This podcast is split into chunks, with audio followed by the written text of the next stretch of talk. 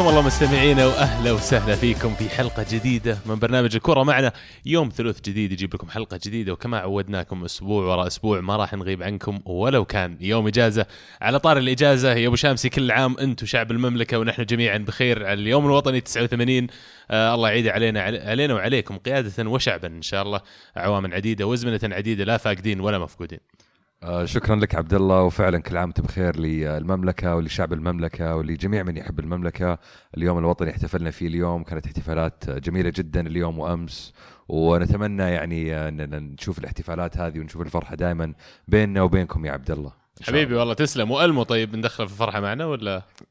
آه، أكيد والله يعني آه، يوم وطني لنا لنا جميعا وللسعوديين ولمحبي السعودية فعلا. كل عام ووطننا بخير. آه، قيادة وشعب وإن شاء الله ينعاد علينا سنين عديدة وعقبال الألف عام إن شاء الله. آمين والله. وكمان خلوني أقول ألف شكر لكل من سأل عني خلال الفترة الماضية. أنا ما كنت متواجد معكم بسبب ظروف العمل لكن إن شاء الله خلال الفترة الجاية راح تنتهي هذه الظروف وبرجع لكم من جديد للرياض. مشتاق لابسود البودكاست مشتاق للهواش معكم. وأكثر من أي شيء ثاني جهز طاولة الانتقالات يا ألمو. ترى يناير غمض فتح يجيك. نبي نجهز الصفقات من بدري السنة هذه لو سمحت. في في أنا عندي قائمة بصراحة يعني مستعدين دائما. طيب خلاص شوف رتب لك وقت نجلس على أساس إنه يعني ما له داعي نأخر العالم وكذا الأندية تنتظر. والشهور تركض ترى ما تدري إلا فجأة وصلنا ديسمبر فيعني لازم نكون مستعدين.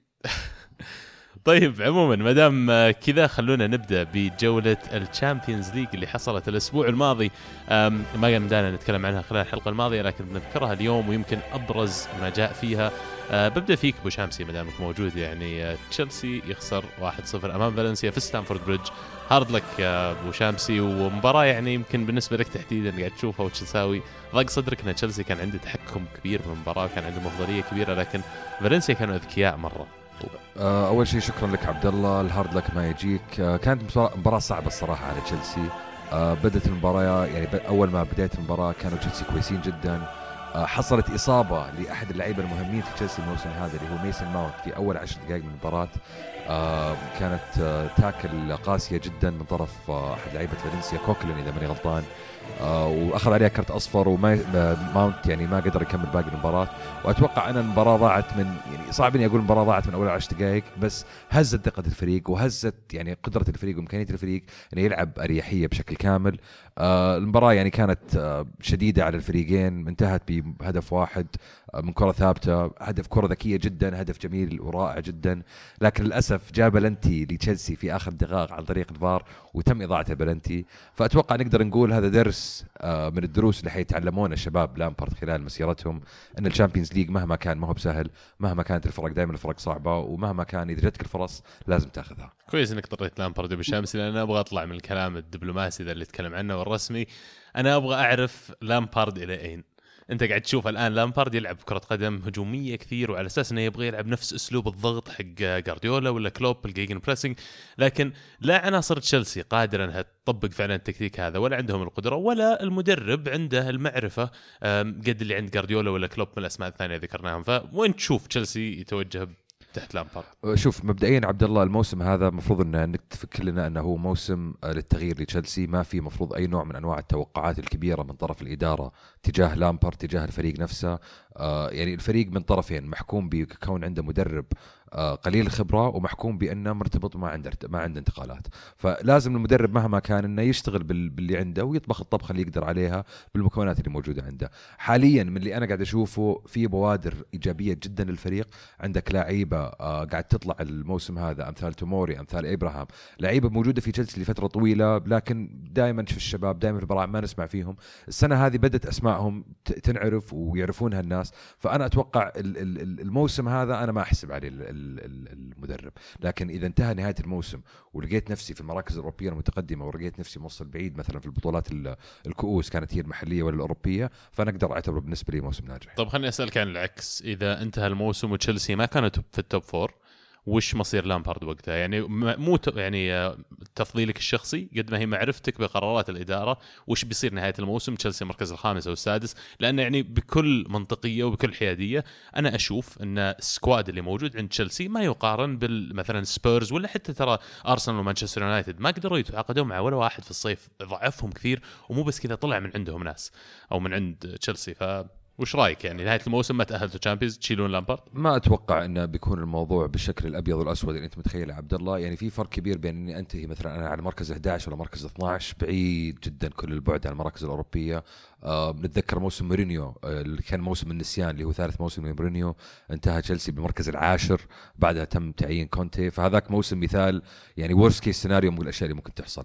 أنا بالنسبة لي شخصيا إذا شفت إن الفريق نافس وقاعد عنده بوادر كويسة من ناحية اللعب ومن ناحية الأداء ومن ناحية اللعيبة ومن نهايه الموسم وصل الموك- موسم الس- المركز السادس أو السابع بعتبره انه في تقدم وفي تحسن في الفريق. كوني قدرت أطور وأبني العناصر الشابة هذه اللي بتكون عناصر أساسية عندي في المستقبل. يعني من كلامك لامبارد مدرب قصير أمد ولا مدرب عشان جايبينه ل project أو مشروع طويل الأمد؟ أنا أشوف أن لامبارد المدرب الصحيح في الوقت الصحيح. كون أنا أني أنا محكوم بعدم قدرتي بالانتقالات صعب أني أجيب أي مدرب أنه ممكن يوافق على المسألة هذه وخاصة في فريق زي تشيلسي دائما في توقعات كبيرة من الإدارة ومن الجماهير وهذا سؤالي هل هو مدرب انتقالي؟ بس كون لامبارد هو الشخص اللي كان عنده يعني صيت كبير في النادي ويعني عناصر النادي كلهم يحبونه وفي احترام كبير تجاهه ممكن يقبلون من لامبارد الفترة الانتقالية هذه ما يقبلونها من مدرب ثاني اي بس كيني داجليش مثلا في ليفربول جابوه قبل كم موسم كان مدرب انتقالي واضح. حتى كان بيمسك الفريق في فترة زي ما قلت.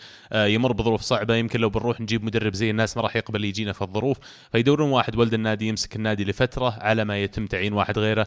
هل تشوف أكيد أنا أتفق معك لو نهايه الموسم لامبارد المركز الثاني بيجددون له أربع سنين ما أختلف معك. لكن في حال تشيلسي ما تأهل لل Champions League.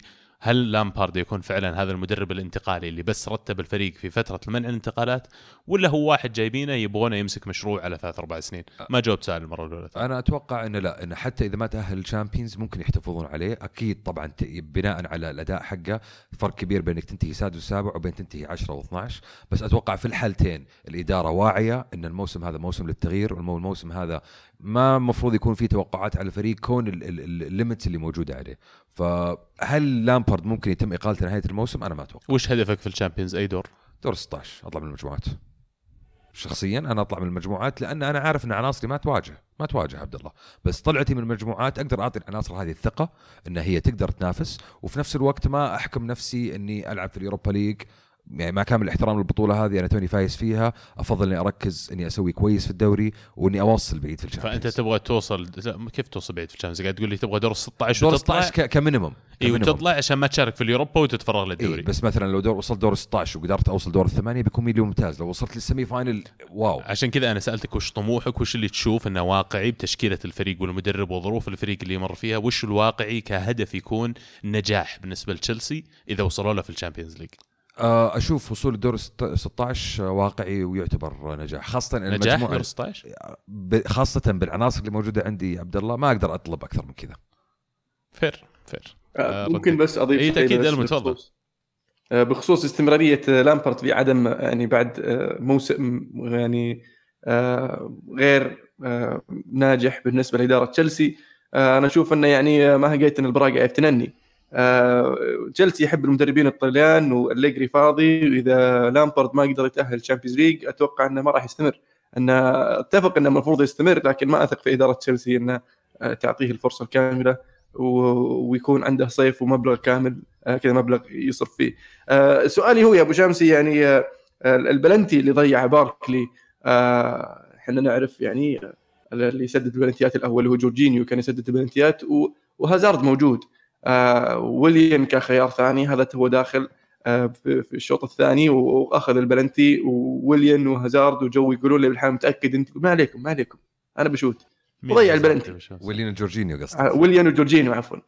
وف فيعني ذكرت بسرتن حالة لسرتن فريق وكنت شاب على واحد معنا في ال- في المجموعة صارت على هذا الموضوع فأبغى أسمع تعليقك يا أبو شمسي. من هو؟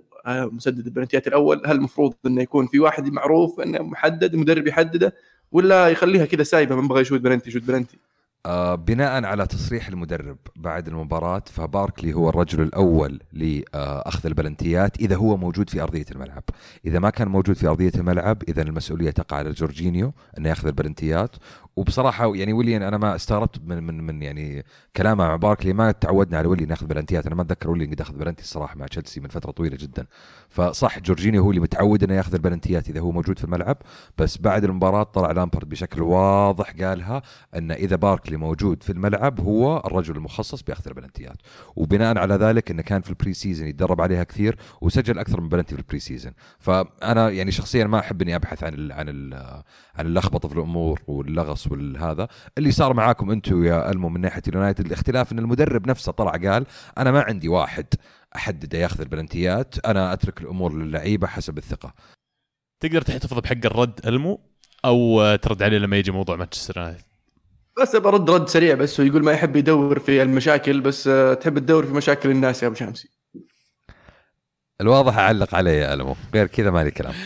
طيب آه، ما دامنا عندك يا ألمو أجل خلينا نتكلم عن المباراة اللي بعدها. إنتر ميلان على الرغم من إن تشكيلتهم قوية وتعاقدوا مع ناس كثير الصيف هذا من ضمنهم يعني ثنائي اللي خارج الملعب ماروتا و إيش يسمونه مدربهم وكونتي. آه، جابوا لوكاكو جابوا كثير انتقالات ومع كذا يتعادلون مع فريق زي سلافيا براها واحد واحد. آه كانت مفاجأة بصراحة بالنسبة لي لكن آه يعني كونتي عودنا في في في الشامبيونز league ليست بطولته المفضلة. ودائما تركيزي على مباريات الدوري. وكان يعني بشكل عام يعني أداء شوي باهت حتى أن براغا بدأ بدأ بدأ بالتهديف. آه ويعني ما زلنا في البداية. ومن حظ إنتر ميلان أن المباراه الأخرى في المجموعة برشلونة ودورتموند انتهت بالتعادل. آه فما زال في فرصة لإنتر ميلان للعودة آه للمنافسة على مراكز مؤهله واقعيا مين اللي المفروض يتأهل من المجموعة؟ أنا أتوقع دورتموند وبرشلونة ليش؟ ليش مو إنتر؟ أم زي ما قلت لك يعني كونتي أحد الأسباب وكونتي يبغى يبغى الدوري يعني وأتوقع أنه راح يركز على الدوري ودورتموند عنده العناصر اللي اللي يعرفون للشامبيونز league وصار لهم فترة يعني قاعدين يتأهلون للادوار الإقصائية. أيوه جيدين الالمان في الشامبيونز. صدق دائما يوصلون. ما دامنا حكينا عن المباراة دورتموند يتعادل 0-0 مع برشلونة. آه، في في ألمانيا. ويعني مباراة على عكس توقعات خلينا نقول بالخطوط العريضة لكن لما الواحد يطالع فعليا إلى نتائج برشلونة خارج أرضه هذا الموسم يكتشف إنه ما فاز ولا مباراة. وبالعكس معاناته كلها سواء في الدوري والآن في الشامبيونز واضح المباريات اللي يلعبون خارج أرضهم آه، مباراة كبيرة قدموها. دورتموند كانوا بالنسبة لي أقرب إنهم يخطفون نقاط المباراة لكن ما توفقوا. كانوا أفضل بكثير عبد الله من بداية المباراة يعني من ناحية التسديدات على المرمى التسديدات خارج المرمى من ناحية مسكتهم للكورة. برشلونة طبعا دائما عنده الاستحواذ لكن دائما كانوا دورتموند هم الأخطر وللأسف جاهم بلنتي في دقيقة 70 تقريبا. ماركو رويس تم إضاعة البلنتي أنقذها تيرشتيجن بطريقة رائعة جدا.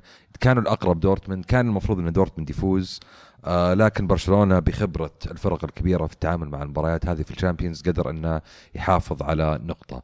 أنا اللي أستغرب منه عبد الله آه هو يعني على قولتك المجموعة قوية إنتر ودورتموند وبرشلونة. هل في عالم نقدر نتخيل فيه إنه يتأهل إنتر ويتأهل دورتموند؟ برشلونة ما يتأهل؟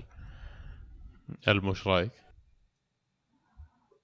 ما في شيء مستحيل في كرة القدم يا أبو شمسي لكن أبغى أرجع لنقطة البلنتي.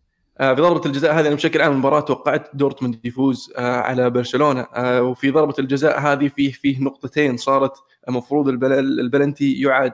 لأن النظام الجديد إن الحارس لازم أحد قدميه على الأقل تكون على خط المرمى شتيجن كان متقدم خطوة كاملة عن خط المرمى. وصد البلنتي النقطة الثانية أن فيه مدافعين لبرشلونة دخلوا المنطقة قبل ما يشوت اللاعب الكرة. آه إذا يعني ما رجعت للفار في في نقاط زي كذا يعني ما أدري وش مهمة الفار آه لأنها يعني كانت واضحة. إذا أنت ما شفتها المفروض آه حكم الفار يقول لك ترى هذا تقدم عن الخط وفي لاعبين دخلوا المنطقة قبل قبل ما يشوت. ف ما زلت أنا أتساءل يعني إلى إلى متى بس؟ إلى أين إلى أين أيها اليويفا والتحكيم الأوروبي والفار؟ يعني الفار بيظبط الأمور يعني لكن مع الأسف. يعني شوف المو يعني الأمور هذه أنا أحس انه صعب على الحكم إنه دائما يتحكم فيها لأنه زي مثلا موضوع ال- ال- المدا... تمسيك المهاجمين عند ال corner من طرف المدافعين. أنت تشوفها وتدري إنها غلط بس إنك إذا بتوقفها في كل مرة بيصير عندك في كل corner penalty وبيصير عندك كل ما صار لك بلنتي بتعيد البلنتي مرة مرتين وثلاثة. حالتين مختلفتين تماما يا محمد لأن هذه القاعدة واضحة وصريحة ما فيها يمكن أو يمكن لا. رجله على الخط يا محمد. معاك. أنا معاك أنا معاك أنا معاك بس أنا كان جوا المنطقة قبل ما يشوت؟ إيه المدافع برشلونة. موضوع يعني. كانت واضحة وصريحة ما فيها أبيض واسود ما فيها يعني رمادي أبيض يا أسود. وهذا هذا يعني- الشيء اللي أبغى أقول لك إياه المو إن الموضوع نفسه صار في مباراة سبيرز مثلا. مباراة سبيرز ألغي هدف لسبيرز بسبب التسلل. يعني لولا التكنولوجيا مستحيل يشاف التسلل هذا ويحسب. فيعني يجي الموضوع إلى لما حطينا الفار هل حطيناه عشان يسوي كل شيء أبيض وأسود زي ما قاعد تقول يا ألمو ولا لا حطيناه عشان نترك مجال شوي إن الحكم إذا بغى يتأكد من قرار ولا إذا بغى يعني يستعين بالتكنولوجيا الموجودة هذه يستعين فيها؟ هو يعني ترى حاطين لهم آه، ميكروفونات وسماعات فالحكم ممكن يفوت نقطة زي كذا يقولون لا ترى صار شيء. بس يصير فالحكم يرجع للنقطة هذه. بس يصير في الحالة هذه الحين- المباراة تتعطل واللعب يتوقف كل شوي وتضطر إن الحكم يقدر يراجع. تقتل فيها الفلو حق المباراة. تقتل ليش تحط الفار؟ طيب؟ ليش تحط الفار؟ طيب؟ أنا أنا, ألغي أنا الفار كله والعب زي ما كنا نلعب يا أخي. كنا أنا مبسوطين. صح أنا وجهة نشتكي ونطاق بس إنه يعني نشتكي ونطاق مع بعض. بس أنا- الحين تقول لي بحط لك قانون عشان يحط لك الأبيض والأسود؟ ولسه قاعد تشتغل على نفس المشاكل فوشو الطبقة يا أخي؟ علي الغيه ولا هو على غيري. أنا وجهة نظري ألمو أن الفار بي- بتاخذها من اسمه. هو video assistant referee الكلمة الرئيسية هي كلمة assistant هو مساعد للمدرب وليس بدي... آه، هو مساعد للحكم عفوا وليس بديل للحكم. ففي الحالة هذه دائما الحكم له القرار الأول والأخير. إذا كان الحكم حس إن في شيء غلط ولا في شيء ناقص ولا في شيء يمكن ما شافه وانتبه له يعود وقتها للفار. بس عنده وجهة نظر. يقول هذا هو، نفس الشيء، نفس الشيء. الحكم غلط. يعني. ما شاف الحكم ولا ما عاد ما بس انتبه له. واضحة ذي أبيض وأسود يعني ما فيها ما فيها. ما شاف حكم الفار أكيد شافها في عندك حكم الرايه هذا برضه حكم مساعد ترى لكن إذا شاف حاله رفع الرايه حقته سواء تسلل سواء فاول سواء بلنتي يشر الحكم وهذا الح... الأسيستنت اللي قاعد تقول لي عنه زيه زي اللي خط الم... الحكم الرايه نفس الفكرة بس إنه قاعد عند الشاشة شاف حاله المفروض يقول يا حكم بالمايك ترى في حالة صارت اللاعب رجله تقدمت على المنطقة وفي واحد مدافع برشلونه دخل المنطقة قبل إيش؟ يشوت ال- البلنتي. فيقول okay عد. يعني القانون واضح يعني. أنا ما اخترعته ومو بجديد. فيعني مو يعني شيء ما تعود عليه الحكام. شوف البو ما أختلف شيء عجيب. ما أختلف معك بس أتوقع الأمور هذه ممكن تنحل على فترة الفترة القادمة. كون نبدأ نتعود أكثر على استخدام الفار وكون الحكام يعرفون يتعاملون معه يتعاملون معه بشكل ما افضل أدري وش تعود وش دافعين لك أنت الفار دافعين لك أنت تدور له معذار. ما في عذر ما في عذر. لو تجيب لي إنفنتينو نفسه. ما هي بكسرة وأنا أبيض وأسود. إي يعني أنا أنا أتكلم عن تعامل ما فيها شك. هي أنا ما أقول لك ما فيها شك يعني الفار ابى أقول لك. شيء هو إذا صار العادة اللي أتوقع اللي يأثر في الموضوع اللي يتكلم عنه المو إن الحالات اللي يستدعى فيها استخدام الفار هي اللي مقننة كثير ومقيدة فيقول لك ما يستدعى الفار إلا إذا دخل جول أو إذا صار في فاول في الطريق ودخل جول في الأخير أو في حالة بلنتي وطرد فمحددها بأشياء معينة فالحالة اللي يدخل مثلا يشوت بلنتي ويضيع البلنتي ما يستخدم فيها الفار كذا القانون مكتوب فيمكن هذا بيعاد صياغته ما أعرف. أو يمكن اختاروا زي ما تقول يا ألمو إنهم ما يشوفون هالشيء ولا يمكن يويفا لونه شغالين بس إيه سجلنا إحنا. سجلنا الاعتراض بدون ما نقول بدون ما نطلق أرجوكم يعني. نروح المباريات الثانية لأن لسه عندنا مباريات كثير لازم نغطيها. أبغى أذكر بس ذكر اللي هم آه، الفريق النمساوي ريد بول سالزبورغ ولاعبهم إيرلينج هالاند. آه، سجل هاتريك في المباراة هذه فوزهم 6-2 على جينك. حكيني عن هالاند يا ألمو. آه هذا اللاعب الشاب اللي اللي سجل تسع أهداف في كأس العالم للشباب آه قبل فترة وتكلمنا عنه. آه كان ضد مع منتخب النرويج وكان المباراة اللي آه أخيرة في المجموعات وكانوا طالعين already سجل تسعة وفاز المنتخب النرويجي تسعة. في مباراة واحدة. آه انتقل في مباراة واحدة إيه. آه وانتقل طبعا اللاعب هذا من مولدا اللاعب النادي اللي كان يدربه أولي جونار إلى سالزبورغ ريد بول سالزبورغ في النمسا. آه وحاليا آه يعتبر رابع لاعب teenager تحت ال 20 سنة يسجل هاتريك في المباراة الأولى له في دوري الأبطال بعد آه راؤول جونزاليس آه لاعب نيجيري بصراحة ما أذكر وش اسمه وين روني آه، في 2004 راول جونزاليس كان في 95 أتوقع. ومولدا هذا نادي دنماركي طبعا لأنه هو اللاعب دنماركي. نرويجي سوري. نرويجي اي مولدا نادي نرويجي. والحين في سالزبورغ النمساوي فاللاعب يعني موهوب يتميز بطبعا طول القامة والجسم آه بالاضافه إلى السرعة في الحركة. مو من اللاعب الطويل وثقيل يلا يتحرك آه ف لهم له مستقبل باهر اللاعب. جهز جهز اوراقه إلمو هذا طاولة الانتقالات واحد من اللي إن شاء الله بنعرضهم على اللجنة. ولا والحلو الحلو في اللاعب هذا عبد الله انه خلال أول تسع مباريات في الموسم اللاعب هذا عنده 17 هدف. 17 في تسعة يا شباب. هذه أرقام ميسي ترى. والله شوف يعني اللاعب لازم يبدأ من مكان ما الان مو التحدي الصعب إنه جاب الرقم هذا إنه يحافظ عليه ويحافظ على الاستمراريه هي الصعب في الموضوع؟ مبروك له ومبروك لسالزبورغ الفوز العريض. آه المباراة اللي ألمو يعني قد تكون تنبأت فيها أفضل من أي أحد ثاني أعرفه. آه نابولي يفوزون 2-0 على ليفربول. آه في السان باولو مبروك لك يا ألمو. ميولك الدوري الإيطالي. آه الله يبارك فيك. طبعا ميولي في الدوري الإيطالي والإنجليزي بعد. آه مباراة يعني آه السان باولو بالنسبة لي للخصوم آه مرعب طبعا. آه نابولي قدم أداء رائع. آه أنشيلوتي عرف يتصرف مع المباراة بشكل جميل. آه تغييراته كان لها دور. آه لاعب بصراحة اللي اللي ما توقعت إنه يكون له هذا التأثير على على نابولي اللي هو يورنتي. آه لاعب دخل وتحس إنه آه حط حط زي كذا محور للفريق اللي هو target man صار شوي النابولي عندهم اتجاه محدد اللي هو واحد قدام يعطونا الكورة.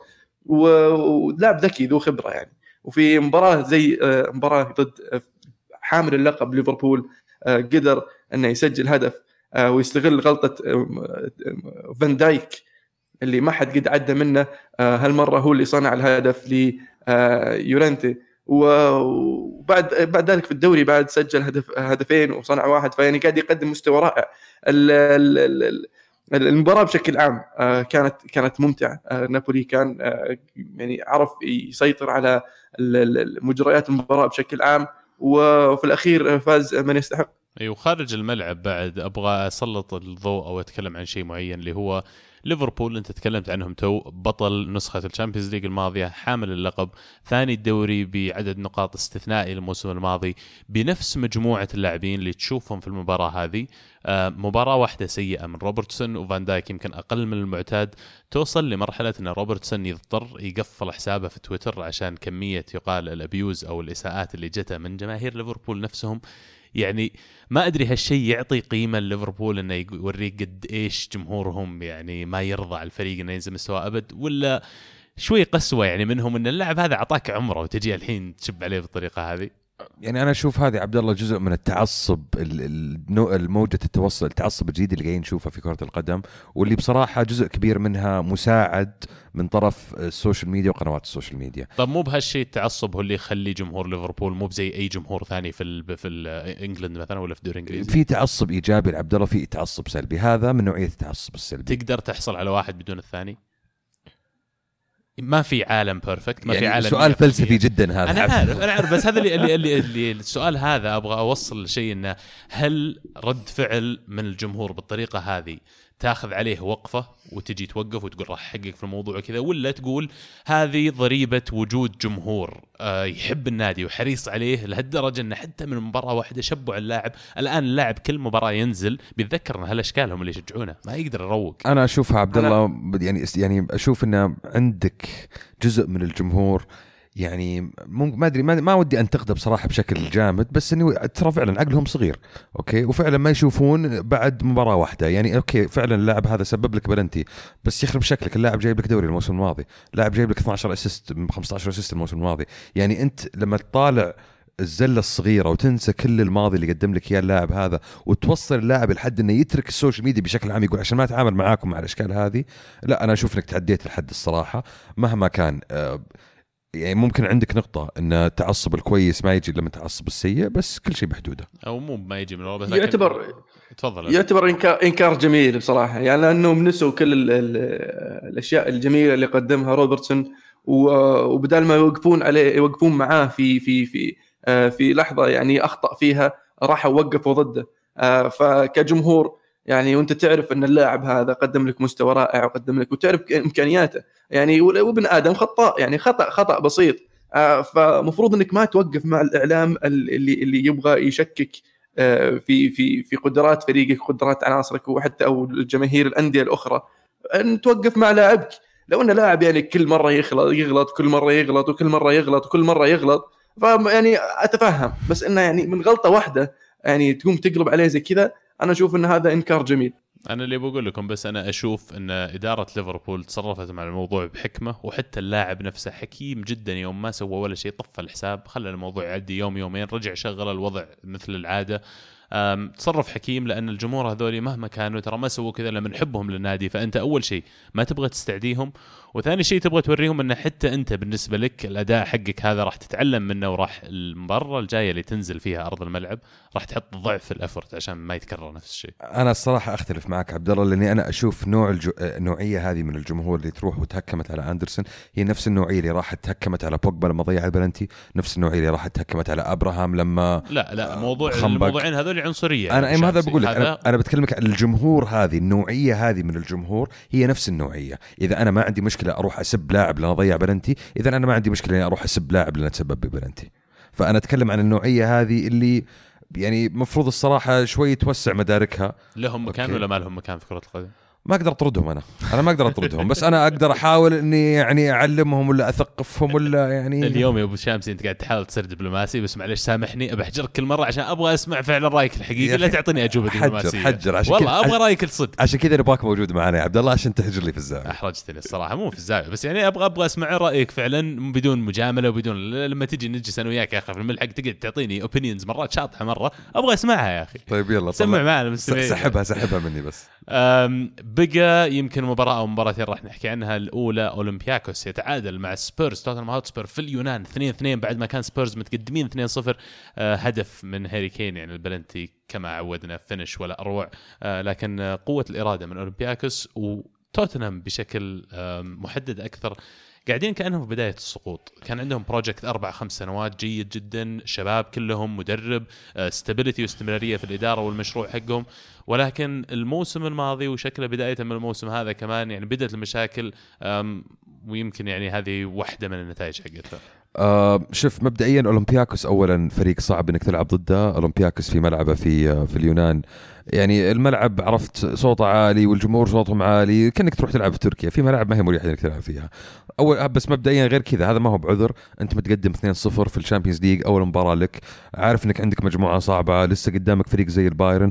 مباريات زي كذا المفروض إنك تحتفظ على التقدم حقك. بس أنا أتوقع المشكلة عبد الله أعمق لأن المشاكل حقت سبيرز موجودة من بداية الموسم من ناحية المباريات اللي خرج ملعبها. شفنا نهاية الموسم الماضي نتائج سيئة جدا لسبيرز كانت في الدوري. إلى حد انه أصبح المركز الرابع وأصبح تشيلسي هو المركز الثالث. شفنا بداية الموسم هذا مباريات خارج أرض السبيرز ما هو عارف يلعب زين ما هو عارف يلعب على راحته. بس وصلوا نهائي ال Champions يا أخي.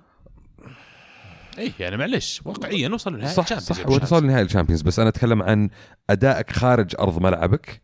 وأدائك في ملعبك أدائك خارج أرض ملعبك في الفترة الماضية كان سيء جدا ولا زال سيء في الدوري وفي أوروبا. فأنت واضح إن عندك مشكلة في الفريق. ممكن يعني ما ودي أقول المدرب لأن شفنا مدربين يقعدون فترة طويلة في الجديد وفي الفريق والفريق يعني اداءه لسه كويس امثال أتلتي. لكن في نقطة اللي هي الفريق كل ثلاث أربع سنوات يحتاج التغيير يحتاج التجديد. وأتوقع أنت يا ألمو يعني عندك الصورة هذه بشكل أوضح من من فيرجسون كان فيرجسون ما في أربع كل رابع موسم يغير في الفريق كل رابع الموسم دخلني في النقاش هذا لأن لا, لا هو هو هو فعلا هو فعلا ترى توتنهام الموسم الماضي وصل القمة وحاليا هو التحدي الصعب إنك تحافظ على بقائك في القمة. وهو التحدي الأكبر لبوكيتينو وهو قاد الفريق إلى هذه النقطة الحين كيف يحافظ على الفريق في هذه النقطة؟ وصل مرحلة انتقالية نوعا ما. فاتوقع تكلمنا فيها بداية الموسم أن هل يقدر يحافظ عليهم في هذا المستوى؟ و على ما يبدو إن في مشاكل قاعدة تصير خلف الكواليس تصريح هاري كين بعد المباراة إن إحنا ما عندنا بلاعبين شبان ما عندنا بلاعبين صغار إحنا صار لنا فترة قاعدين ننافس وقاعدين نحاول. اي وقاعدين نخطأ نفس الأخطاء ونعيدها نفسها فاللي إحنا فيه هذا لازم نحله. فالموضوع الحين يعود إلى بوكيتينو ومقدرته على انتشال الفريق من هذه النقطة اللي هم فيها ومحاولة إعادة هيبة الفريق وثقة اللاعبين في نفسهم. آه، يعني الوصول إلى المنافسة مرة أخرى. يعني. معلش يا شباب بوقفكم لأن الوقت يعني نبي نغطي قد ما نقدر. آه مانشستر سيتي يفوزون في أوكرانيا على شختار دونتسك 3-0 آه توقع توقعاتكم للسيتي السنة هذه في ال Champions League؟ كلنا يقول الفترة الأولية أول سنتين ثلاث سنوات من ال project كانت بناء. هل جاء الوقت اللي السيتي لازم يفوز؟ بالذات لما نشوف اجويرو عمره 30 31 آه سيلفا الآن خلاص يمكن قد يكون آخر موسم له مع السيتي. فيعني أنت تتكلم عن نهاية project حاليا. إذا ما حققوا بنهاية ال Champions League ما أدري وش تتوقعون فسمعوني. هو حضر الوقت إن السيتي. يوصل للمرحلة البعيدة هذه بس هل يقدر يسويها ولا لا؟ هذا السؤال. يعني أنا أحس أوكي صح عندك الخبرة صح عندك اللعيبة عندك المدرب بس من هو القائد في الفريق عبد الله؟ أنا هذا السؤال اللي أبغى أسأله. كان كومباني حاليا من هو القائد في الفريق؟ أنا ما أجويرو. أشوف أجويرو؟ طيب إذا أجويرو ما كان على يوم ما كان في يومه ما كان في مستواه ف- فرناندينيو. ما هو أساسي؟ آه، آه، ممكن بس آه، أوضح نقطة ال main man عن الكابتن. الرجل ال- الأول عن قائد الفريق. أنا أقول قائد آه، قائد مو شرط إيه. كابتن. اي لا ال- ال- ال- القائد الفريق اللي هو واحد زي كومباني واحد بشخصية كومباني اللي هو يكون كابتن الفريق وهو قائد الفريق. هذا هذا يختلف عن ال main man. ال main man دائما كان أجويرو وما زال أجويرو موجود لكن السيتي ما عندهم واحد يخلف آه كومباني كقائد للفريق كواحد بشخصية كومباني فرناندينيو يعني واحد يعني ممكن يمشي الحال آه لكن كومباني ما عوضوه يعني ما جاوبتوني وين بيوصلون في ال Champions السنة هذه؟ أبى أقول لك شيء آه، تشيلسي في عام 2008 كنا نقول نفس الكلام إنه يعني خلاص وصلوا لمرحلة انها هذا الفريق لازم يفوز إذا ما ما فاز الحين ما راح يفوز وقعدنا نقولها أربع سنوات لين فازوا 2012 ف يعني آه، السيتي صح ان حان الوقت إنه يفوز لكن لا لا يعني إنه آه، إذا ما فاز الحين ما راح يفوز ولا يعني إنه آه، لازم يفوز الحين. وش هدفهم؟ ف- طيب أنت قاعد تدخلني. برضو نقاش فلسفي وش هدفهم السنة؟ يعني راح- أكيد هدف كل فريق يعني صرف الصرف اللي سواه السيتي وسوى بنيه فريق وجاب بيب جوارديولا إنه مو بس يبغى يسيطر على الكرة المحلية يبغى يوصل للجائزة الكبرى اللي هي دوري الأبطال إنه يصير بطل أوروبا. في فرق آه، لكن- صرفت طيب وما تقدر تصير عندها نفس هذه صحيح بس يعني لا لا أنا أتكلم عن فرق زي بي اس جي زي مان سيتي زي تشيلسي الفرق هذه اللي اللي اللي جت من لا شيء إلى شيء كان هدفهم الأول إنهم يفوزون بال Champions League okay أبغى أصير بطل في الدوري الحين هذه المرحلة الأولى. تشيلسي وصل المرحلة هذه وصار عقبها يلاحق ال Champions League هذا نفس الشيء بي اس جي الحين. وصل المرحلة هذه سيطر على الكرة الفرنسية ما زال يبحث عن ال Champions League والحين هذا السيتي في نفس المرحلة هذه إنه سيطر على الكرة الإنجليزية يبغى ال Champions League إذا ف- لي أبو شامسي يا أبو آه، أبو بدر يا ألمو. بس بشامسي سامحه عشان خاطري على الكلمة اللي قالها. و PSG ما دامك اضطريتهم فازوا 3-0 على ريال مدريد. يعني هل يبقى يا المو طموحهم ال Champions League على الرغم من كل المشاكل اللي تصير معهم؟ أم آه، أكيد آه، يعني ال PSG ما زال آه، يعني عنده الإمكانيات وحافظوا حفاظهم على نيمار. آه، شيء يعطيهم الدفعة هذه. و- والأهم إنهم قدروا يفوزون على ريال مدريد من غير نيمار. كافاني ومبابي مبابي الثلاثي الهجومي اللي يعني آه، كان يعول عليه الفريق بشكل عام وتصريح المدرب آه، بعد المباراة يقول آه، غياب هذول اللاعبين أعطانا فرصة أن نفوز لأن خفف علينا الحمل والثقل أن في في هذه المباراة. لا تفكر فيها فعلا لما يصير عندك الث- الثلاثي هذولي وريال مدريد في المستوى اللي هم كانوا فيه آه، فبتقول أكيد PSG بيفوز. آه، لكن مع غياب الثلاثي هذولي ومدريد في في ال- في الحالة والمستوى اللي هو فيه كان لسه في شك ما تدري مين بيفوز. أنا شخصيا كنت أرجح كفة ريال مدريد آه، لكن المباراة بشكل عام PSG كان الافضل من جميع النواحي. وعلى تحديدا أبو شامسي 90 دقيقة ولا تسديده لريال مدريد على المرمى في غياب اللاعبين اللي ذكرهم ألمو يعني اللي ممكن حتى مو عشان بس يسجلون الكرة يحتفظون بالكرة أكثر يمكن يرغمون دفاع مدريد أو لاعبين وسط مدريد انهم يتراجعون ما يدفعون في الهجوم لكن على الرغم من هالغيابات 90 دقيقة ولا تسديده على المرمى وش حظوظ مدريد طيب؟ والله شوف أي واحد يشوف المباراة هذه عبد الله يقدر يقول لك إن PSG كان الأفضل بمراحل. يعني مو بس مسألة الضغط الهجومي ولا هي مسألة صناعة اللعب مسألة إن كل كرة فيها تلاحم لعيبة PSG دائما هم الاسبق للكرة دائما هم اللي, يتخ... اللي, اللي ال- ال- الأسرع والأقوى واللي عندهم قوة العزيمة الأكبر من لعيبة مدريد. طبعا كون جزء كبير منها ممكن نقول ال- الانهيار العظيم اللي حصل ل PSG السنة الماضية لسه موجود في في في آه، يعني في عقول اللعيبة والمشكلة مو بالسنه الماضية السنة الماضية والسنة اللي قبلها كون عدم وجود آه، صفة النجوم آه، ال super stars مبابي نيمار آه كافاني ممكن ساعدت عناصر الفريق الثانية تقول إنه إحنا إحنا PSG نبقى مهما كنا أكبر من مجرد عنصر عنصرين ثلاثة نحن فريق يستحق الاحترام يستحق الفوز ويستحق إنه نوري مكاننا في أوروبا وأتوقع اللي سواه عبد الله أنا شخصيا اللي شفته إنهم مسخروا مدريد يعني. مو بشيء صار مرة وما يتكرر الشيء النتيجة اللي صارت لأن مجموعة اللاعبين اللي عند PSG على كفؤ ومن قدر من ال quality والنوعية انهم يقدرون يسوون هالشيء في مدريد؟ نعم نعم. حتى في غياب الثلاث. والتحية أول بصراحة أكبر تحية لاعب إدريس جويه آه اللاعب اللي جابوه من إيفرتون السنة هذه PSG. آه كان جبار في الوسط ما اكل كل, كل اللي يمشي الأخضر واللي يمشي كل شيء كل شيء يا عبد الله. وغير كذا دي ماريا wow هدفين من أروع من أحلى من أجمل. ما أدري إيش أقول بصراحة. لما دي تشوف دي ماريا تتخيل دي ماريا على دكة الاحتياط لما يكون نيمار ومبابي هذا اللي. بقول لك مرات تنسى في باريس إن عندهم لاعبين زي دي ماريا وكذا على الدكة من كثر النوعية اللي موجودة عندهم من كثر اللاعبين اللي يشترونهم. تنسى إنه فعلا حتى في غياب الثلاثة الأساسيين اللي جالسين على الدكة ممكن يلعبون أساسيين تقريبا أي مكان. في أي فريق ثاني في أي فريق ثاني عناصر ال- ال- الاحتياط حقت PSG بكل بساطة ممكن تدخل تصير أساسية. فبس السؤال على مدريد يعني المدريد مدريد على الأشياء الكويسة اللي يسويها أشياء يسويها غبية أحيانا أقسم بالله ما أدري شلون. وأكبر دليل مين حارس PSG اليوم؟ نفاس. ومين حارس مدريد اليوم؟ كورتوا. طب أنت الحين يا مدريد من زمان تبغى كورتواس وكورتواس كويس و و رحت بعت نافاز طيب واضح إن نافاز في الفترة الحالية أفضل من كورتوا. واضح واضح. ما فيها ما فيها اثنين يختلفون. وأدى قدامك نافاس اليوم وشفته كيف ما فيها اثنين يختلفون إلا معلش ب- كأداء. يعني لو كخيار ولا قرار إني أحافظ على واحد وابيع الثاني أنا أدري ألمو عنده يعني كتابات عنيفة جدا في تويتر على الموضوع هذا إيه؟ تحديدا. أنا أتكلم على آخر خمس مباريات مثلا لكورتواس كم هدف أكل؟ وآخر خمس مباريات ارجع لنافاس كم هدف أكل فيها؟ أتكلم على ال form عبد بس الله الأهداف يعني من بس على الحارس ترى حتى على فريق دفاع منظومة كاملة فريق كامل يعني. أنا أشوف إن كورتواس من يوم ما دخل مدريد ما أثبت نفسه ابدا ومن يوم ما دخل مدريد يعني الدفاع في مهب الريح ويمين ويسار يتمشون ويتسحبون. نافاس صح انه okay صح ممكن اللاعب ما كان راضي إنه يقعد عندك في الدكة واضطريت إنك تطلعه بس قويت PSG واحد بينافسك في ال Champions League. طيب المو منطقي إن واحد حارس جايب معي أربعة Champions League في خمس سنوات بنهاية هذا المشروع أجي أقول له لو سمحت تفضل على الدكة راح أجيب واحد بدالك. منطقي؟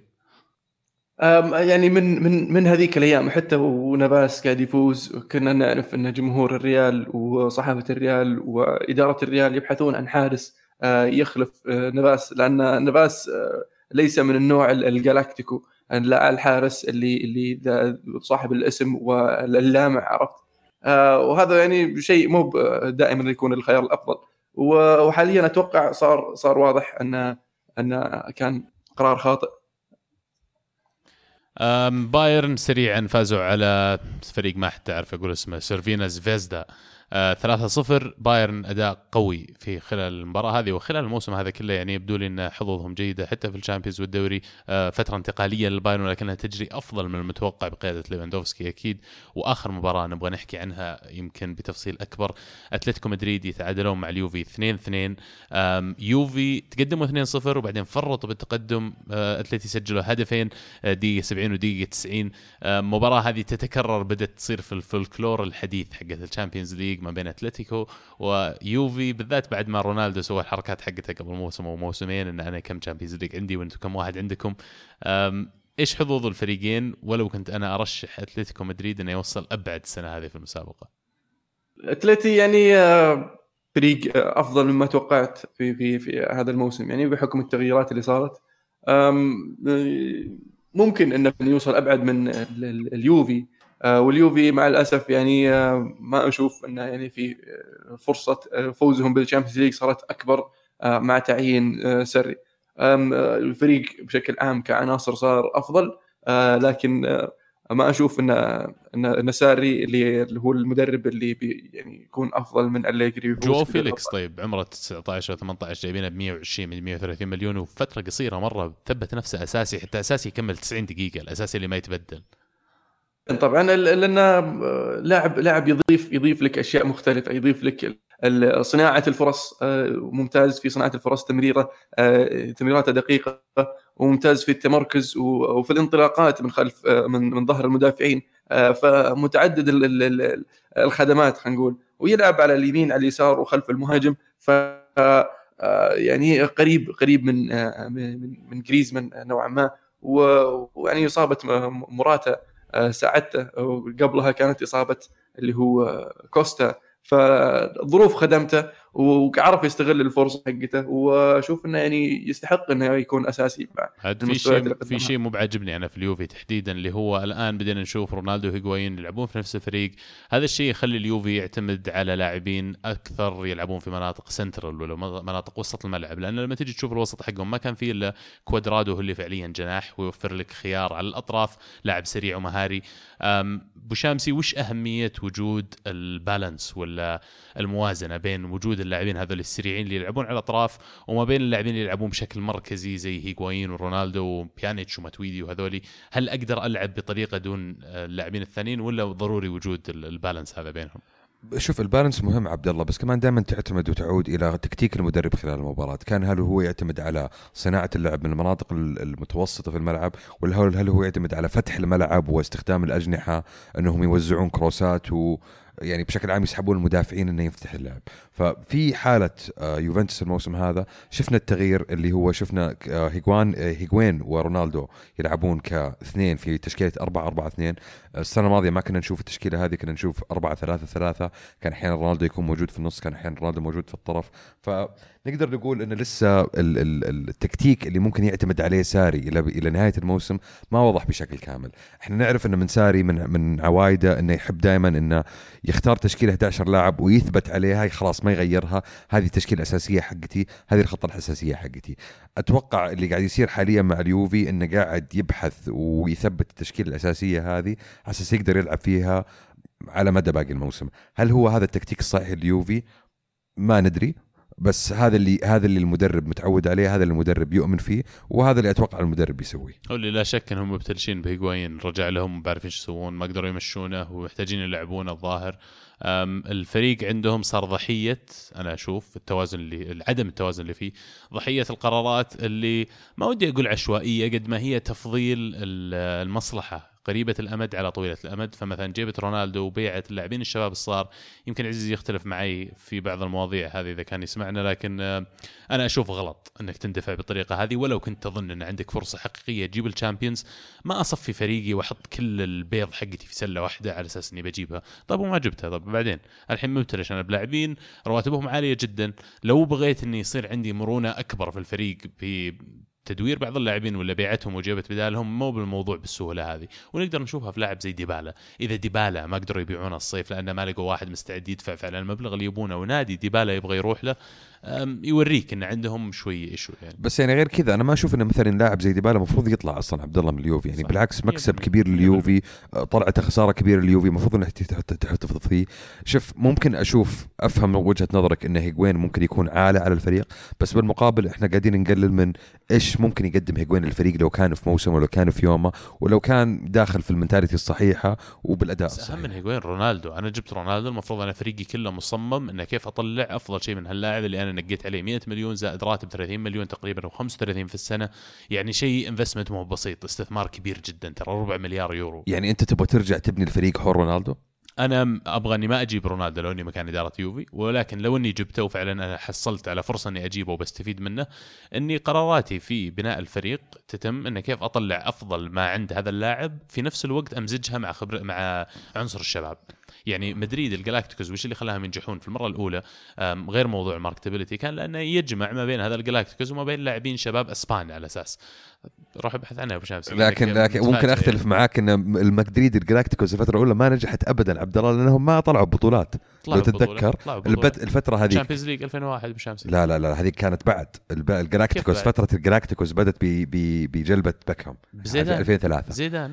ما أعتبرها Galácticos أنا أعتبر بيكهام Galácticos لا زيدان كان أكبر صفقة في العالم في يومها. فهذه أصلا يعني تسجل بداية ال Galácticos فيمكن هو اختلاف ما أدري وجهات النظر بس عموما أنا أحس انه في حواق شوي صار في إدارة اليوفي في التعامل مع الانتقالات وهذا اللي خلاهم يوصلون للمكان اللي هم فيه وفي نقطة ثانية أساسية هنا هو إن دفاع يوفي في الفترة الماضية قاعدين نشوفهم يعانون كثير من الكور الث- من الكور الثابتة والهدفين اللي جو في المباراة هذه جو من كور ثابتة.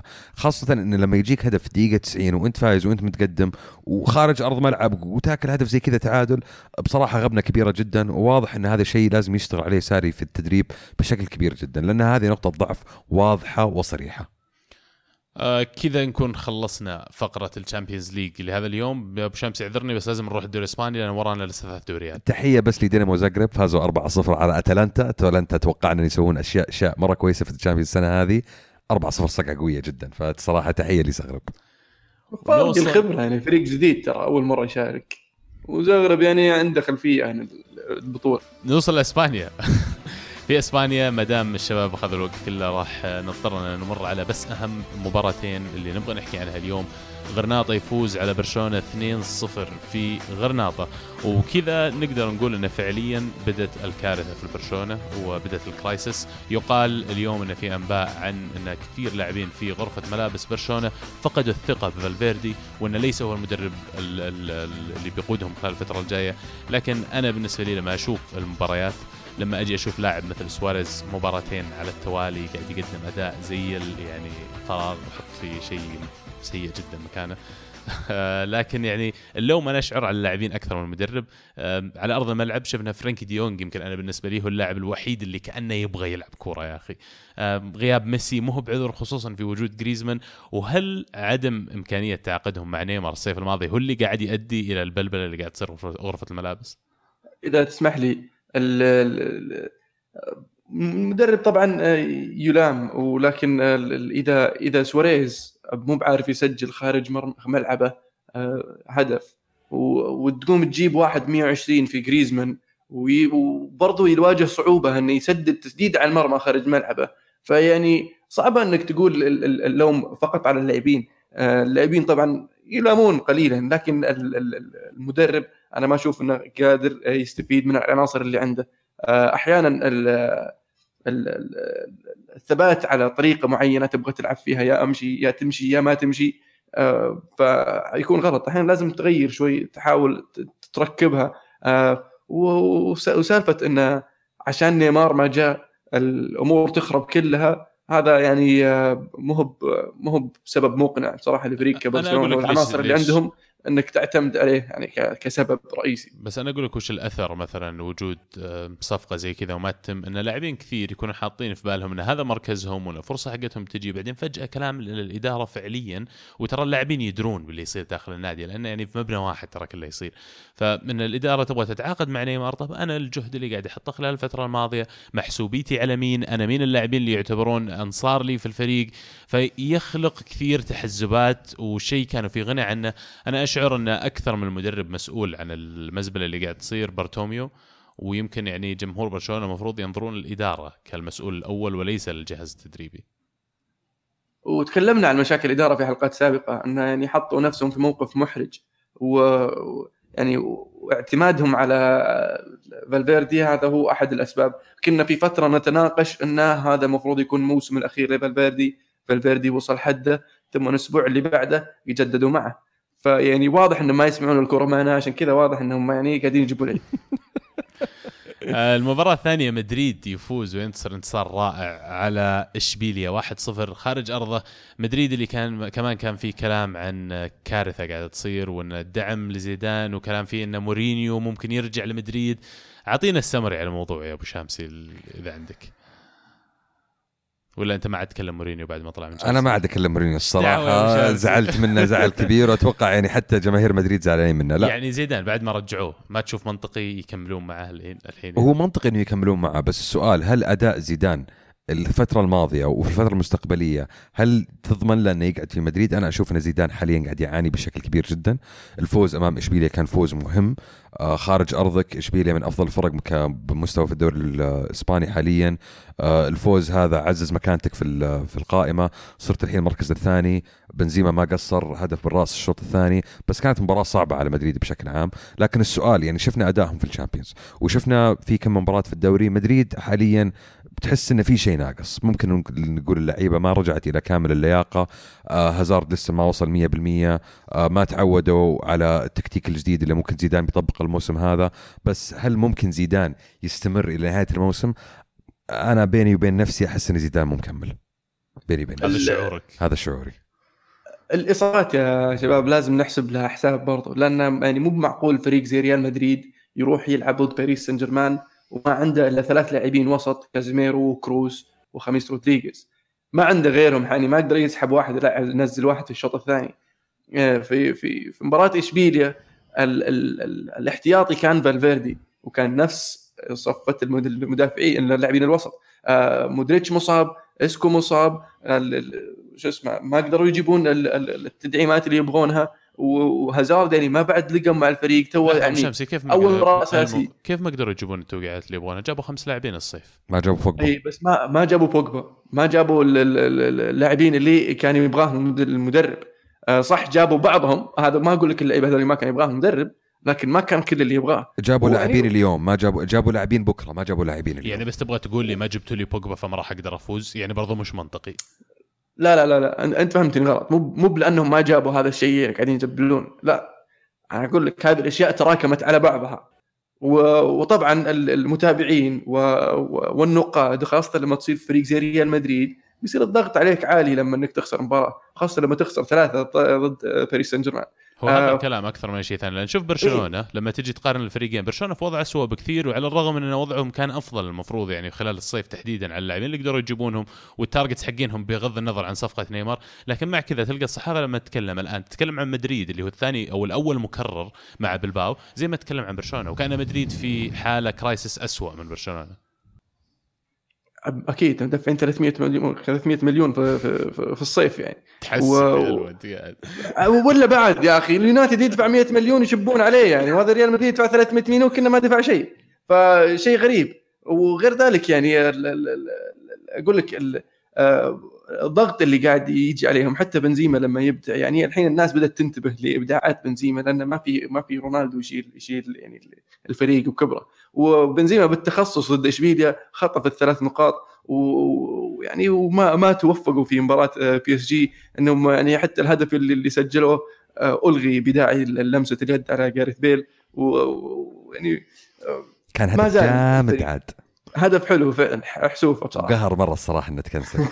بنزيما آه لكن فعلا عنصر مرة مهم يعني وأثبت أكثر شيء أهميته في أكثر من يعني أكثر فترة له في مدريد أنا أشعر له أهمية في مدريد هي الفترة هذه ال transition.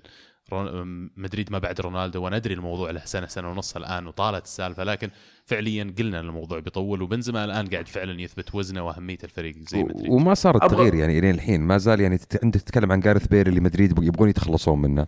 تتكلم عن بنزيما اللي كثير من جماهير مدريد ما كانوا يشوفون إنه عنصر أساسي أو عنصر مهم أو إنه كان له ذاك الدور في الفريق الحين قاعد يثبت لهم بنزيما عكس ذلك. ونتكلم عن هازارد اللي توه واصل الفريق ولسه ما دخل في الفورمة 100% أبغى اضيف أبغى أضيف النقطة هذه بعد الموقف المحرج اللي حط نفسه زيدان فيه آه، بتصريحاته إنه يبغى يتخلص من بيل ويبغى يتخلص من خميس رودريغيز والحين مو بلاقي في اللعيبة عنده يلعبون في المراكز هذه إلا هذول الاثنين. آه، فما تتوقع إن هذا الشيء راح يأثر على أداء اللاعبين داخل الملعب على يعني آه، تعامل اللاعبين هذول اللي أنت قلت لهم كذا بالصريح والواضح أنا ما أبغاك المفروض تطلع بعد أسبوعين أو يومين على الأقل أو ويعني تتوقع منه إنه يعني آه، بيحرث لك الملعب. لأنهم لأنهم محترفين قاعدين يدون دورهم. آه، لكن غير ذلك برضو يعني يحسب عليه وعليهم هم. يعني أنا هذه من من الأشياء اللي تخليني أحس اني ممكن زيدان ما يكمل الصراحة. يعني هذه النقطه أنت ضربت.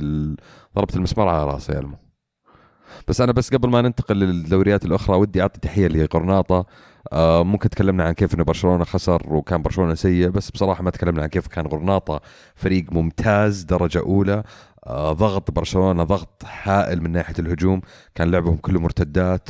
آه عدد عدد التسديدات اللي كان عندهم على المرمى كان شكل هائل مقارنة ببرشلونة. نتكلم عن آه يعني فوق التسع تسديدات عشر تسديدات تقريبا لغرناطة بمقابل برشلونة ثلاث تسديدات فقط. وحاليا غرناطة يعني في الجدول الترتيب هو الفريق الثالث بينما برشلونة الثامن. فتحية لغرناطة على الأداء الممتاز اللي لعبوا فيه. آه ليلة زي كذا ما راح ينسونها لفترة طويلة جدا إنك تفوز على برشلونة بطل الدوري. ف يعني أتوقع هذه من الأشياء اللي لازم نذكرها عبد الله. الفرق دائما الصغيرة اللي تأدي ضد الفرق الكبيرة هذه تستحق تستحق الذكر تستحق التحية. كذا نكون وصلنا للبريمير ليج. في البريمير ليج خلينا نبدأ بالأشياء المهمة. أول شيء hard luck المو الخسارة أمام ويست هام. 2-0 مانشستر يونايتد يعني آه، إلى أين under أولي جونر؟ آه، جاء مدرب انتقالي وأنا ترى بداية الموسم كنت متوقع انه أول مدرب راح تتم إقالته. ما يعني ما ضبط توقعي لكن ما أتوقع إنه بعيد منها طبعا ال ال أنا ضد الكلام إنك تحط اللوم على أولي جونر سولشير. آه، لأن في كثير يعني الحين حتى من جمهور يونايتد اللي بدأوا يعني يشككون في في المدرب لكن كلنا نعرف المشكلة ليست في المدرب. آه، المشكلة في الإدارة في آه، الطاقم المسؤول عن التعيينات عن الانتقالات وعلى راسهم طبعا اد وودورد. ويعني إقالة المدرب في هذه الفترة ما راح يضيف لك شيء ابدا. المدرب الجديد لو تجيب منه أجيب أحسن مدرب في العالم الحين جبل يونايتد راح يواجه نفس المشاكل.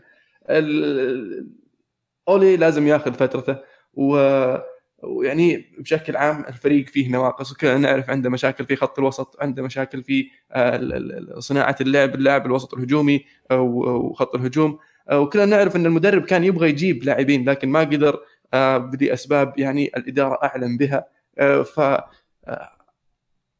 غلط إنك تقول مد- مدرب يتحمل كل المسؤولية ولازم تقيله الإدارة أطلعوا ب statement اليوم يتكلمون فيها عن آه، طموحهم في تحقيق الألقاب وإنهم راح يستمرون في دعم ال- الفريق بالاستثمار وفي سوق في سوق الانتقالات وما طلعوا هذه ال statement إلا أنهم عارفين أنهم جابوا العيد وأن يعني الفريق يعني صار في في موقف محرج آه، يعني إقالة لقى المدرب نفسه ما عنده إلا إيه. مهاجمين صح؟ آه، إقالة المدرب في هذا الوقت في هذه الفترة ب- راح راح تحط برضو إدوارد وورد آه، في موقف محرج أكثر لأن أصلا تعيينه الأساسي من أساس لأولي جونر آه، كان كان في شكوك وإنك تقيله بعد أقل من ست شهور هذا يدل إنك ما تدري إيش قاعد تسوي وراح يبدأ يشكك ال- ال- الملاك في في في قدرته على إدارة الفريق. فلازم هو حاليا يدعمه ويعني إقالته أصلا بشكل عام غلط. طب أنا أسألك سؤال يا ألمو إذا ممكن. يعني خلال آخر ثلاث سنين تكلم عن يونايتد صرف تكلم عن حول 300 مليون تقريبا. انسى انسى انسى آخر ثلاث سنين انسى طيب. آخر ثلاث سنين. إحنا بدينا صفحة جديدة مع ما توقيع آه، أولي جونر. هذه صفحة جديدة. ما عندك من بعد. اعتزل سير أليكس. لين من- إعلان إعلان أولي جونر مدرب جديد هذا هذه انساها. طيب كيف ممكن خلاص هذيك انتهت. كيف- تخبطات الحين. كيف كيف ممكن المو. أوصل إلى مرحلة إنه أنا أعتمد على جيسي لينجارد كمهاجم أساسي. ممكن تشرح لي كيف أوصلت للمرحلة هذه أنا؟ آه أكيد لأنك آه بعت آه لوكاكو. وبعت سانشيز و- وما جبت أحد مكانهم. وين البديل؟ طيب ليش تبيعهم إذا ما أنت بجايب بديل؟ هذا هو ليش تبيعهم؟ هذا هو كان يبغى يجيب بديل هو. أنا أقول لك ليش ليش باعهم.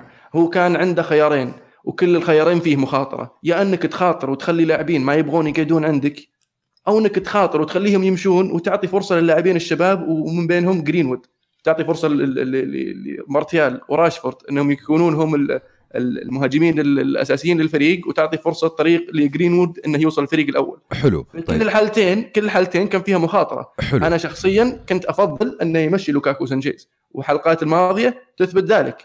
أنا عارف إنه في مخاطرة وأنا عارف إنه ممكن الموسم يروح يكون يكون يعني اليونايتد خارج ال top 6 حتى. وأنا مستعد إني أمشي الموسم هذا خارج ال top 6 لكن في الأخير أنك إذا قلت المدرب راح تخرب السالفة كلها. راح تعيد سالفة إنك تجيب آه، فان خال يبدي خطه يسوي خطة ويجيب لعيبة ثم تقيله يقوم يجي مدرب مكانه يشيل اللعيبة اللي جابهم إياه ويبدأ من الصفر من جديد. فهذا اللي ما نبغى نوصل له أن نرجع للدوامة هذه. خلاص خله عطى على الأقل سنتين. يبني يبني له أساس الفريق الشباب يصعدهم ويعطيهم الثقة إنهم يبصرون مسؤولين عن ال- ال- ال- الم- المستوى اللي يقدمه الفريق. ومع ذلك الإضافات راح تجي. حتى هو قال إنه يحتاج آه، إلى إلى فترة انتقالات ثلاثة أو أربعة وممكن خمسة. ثلاثة أو أربعة وممكن خمسة هذه موسمين أو لا موسمين ونص. بالشمسية أنا وجهت لك السؤال هذا قبل على لامبارد إذا هو مدرب انتقالي ولا طويل. الامد أفهم من كلام المو إنه ما عنده مشكلة يعتمد على سولشاير على أكثر من مدى موسم موسمين. أنت هل تشوف نفس الشيء؟ لا. أنا أشوف أصلا تعيين سولشار كمدرب أساسي كان خاطئ في التوقيت اللي حصل فيه. أنا أشوف انه مسألة إنه والله اترك لي الفترة الماضية كلها وابدا لي احسب لي من يوم ما جاء سولشار هذا تخبط وهذا يعني كلام آه، ما, ما, ما لا لا لا, لا. أنا خلي خلي أنت قلت اللي عندك يا المو خليني أقول اللي عندي okay؟ أنا أشوف أن هذا تخبط درجة أولى من الإدارة.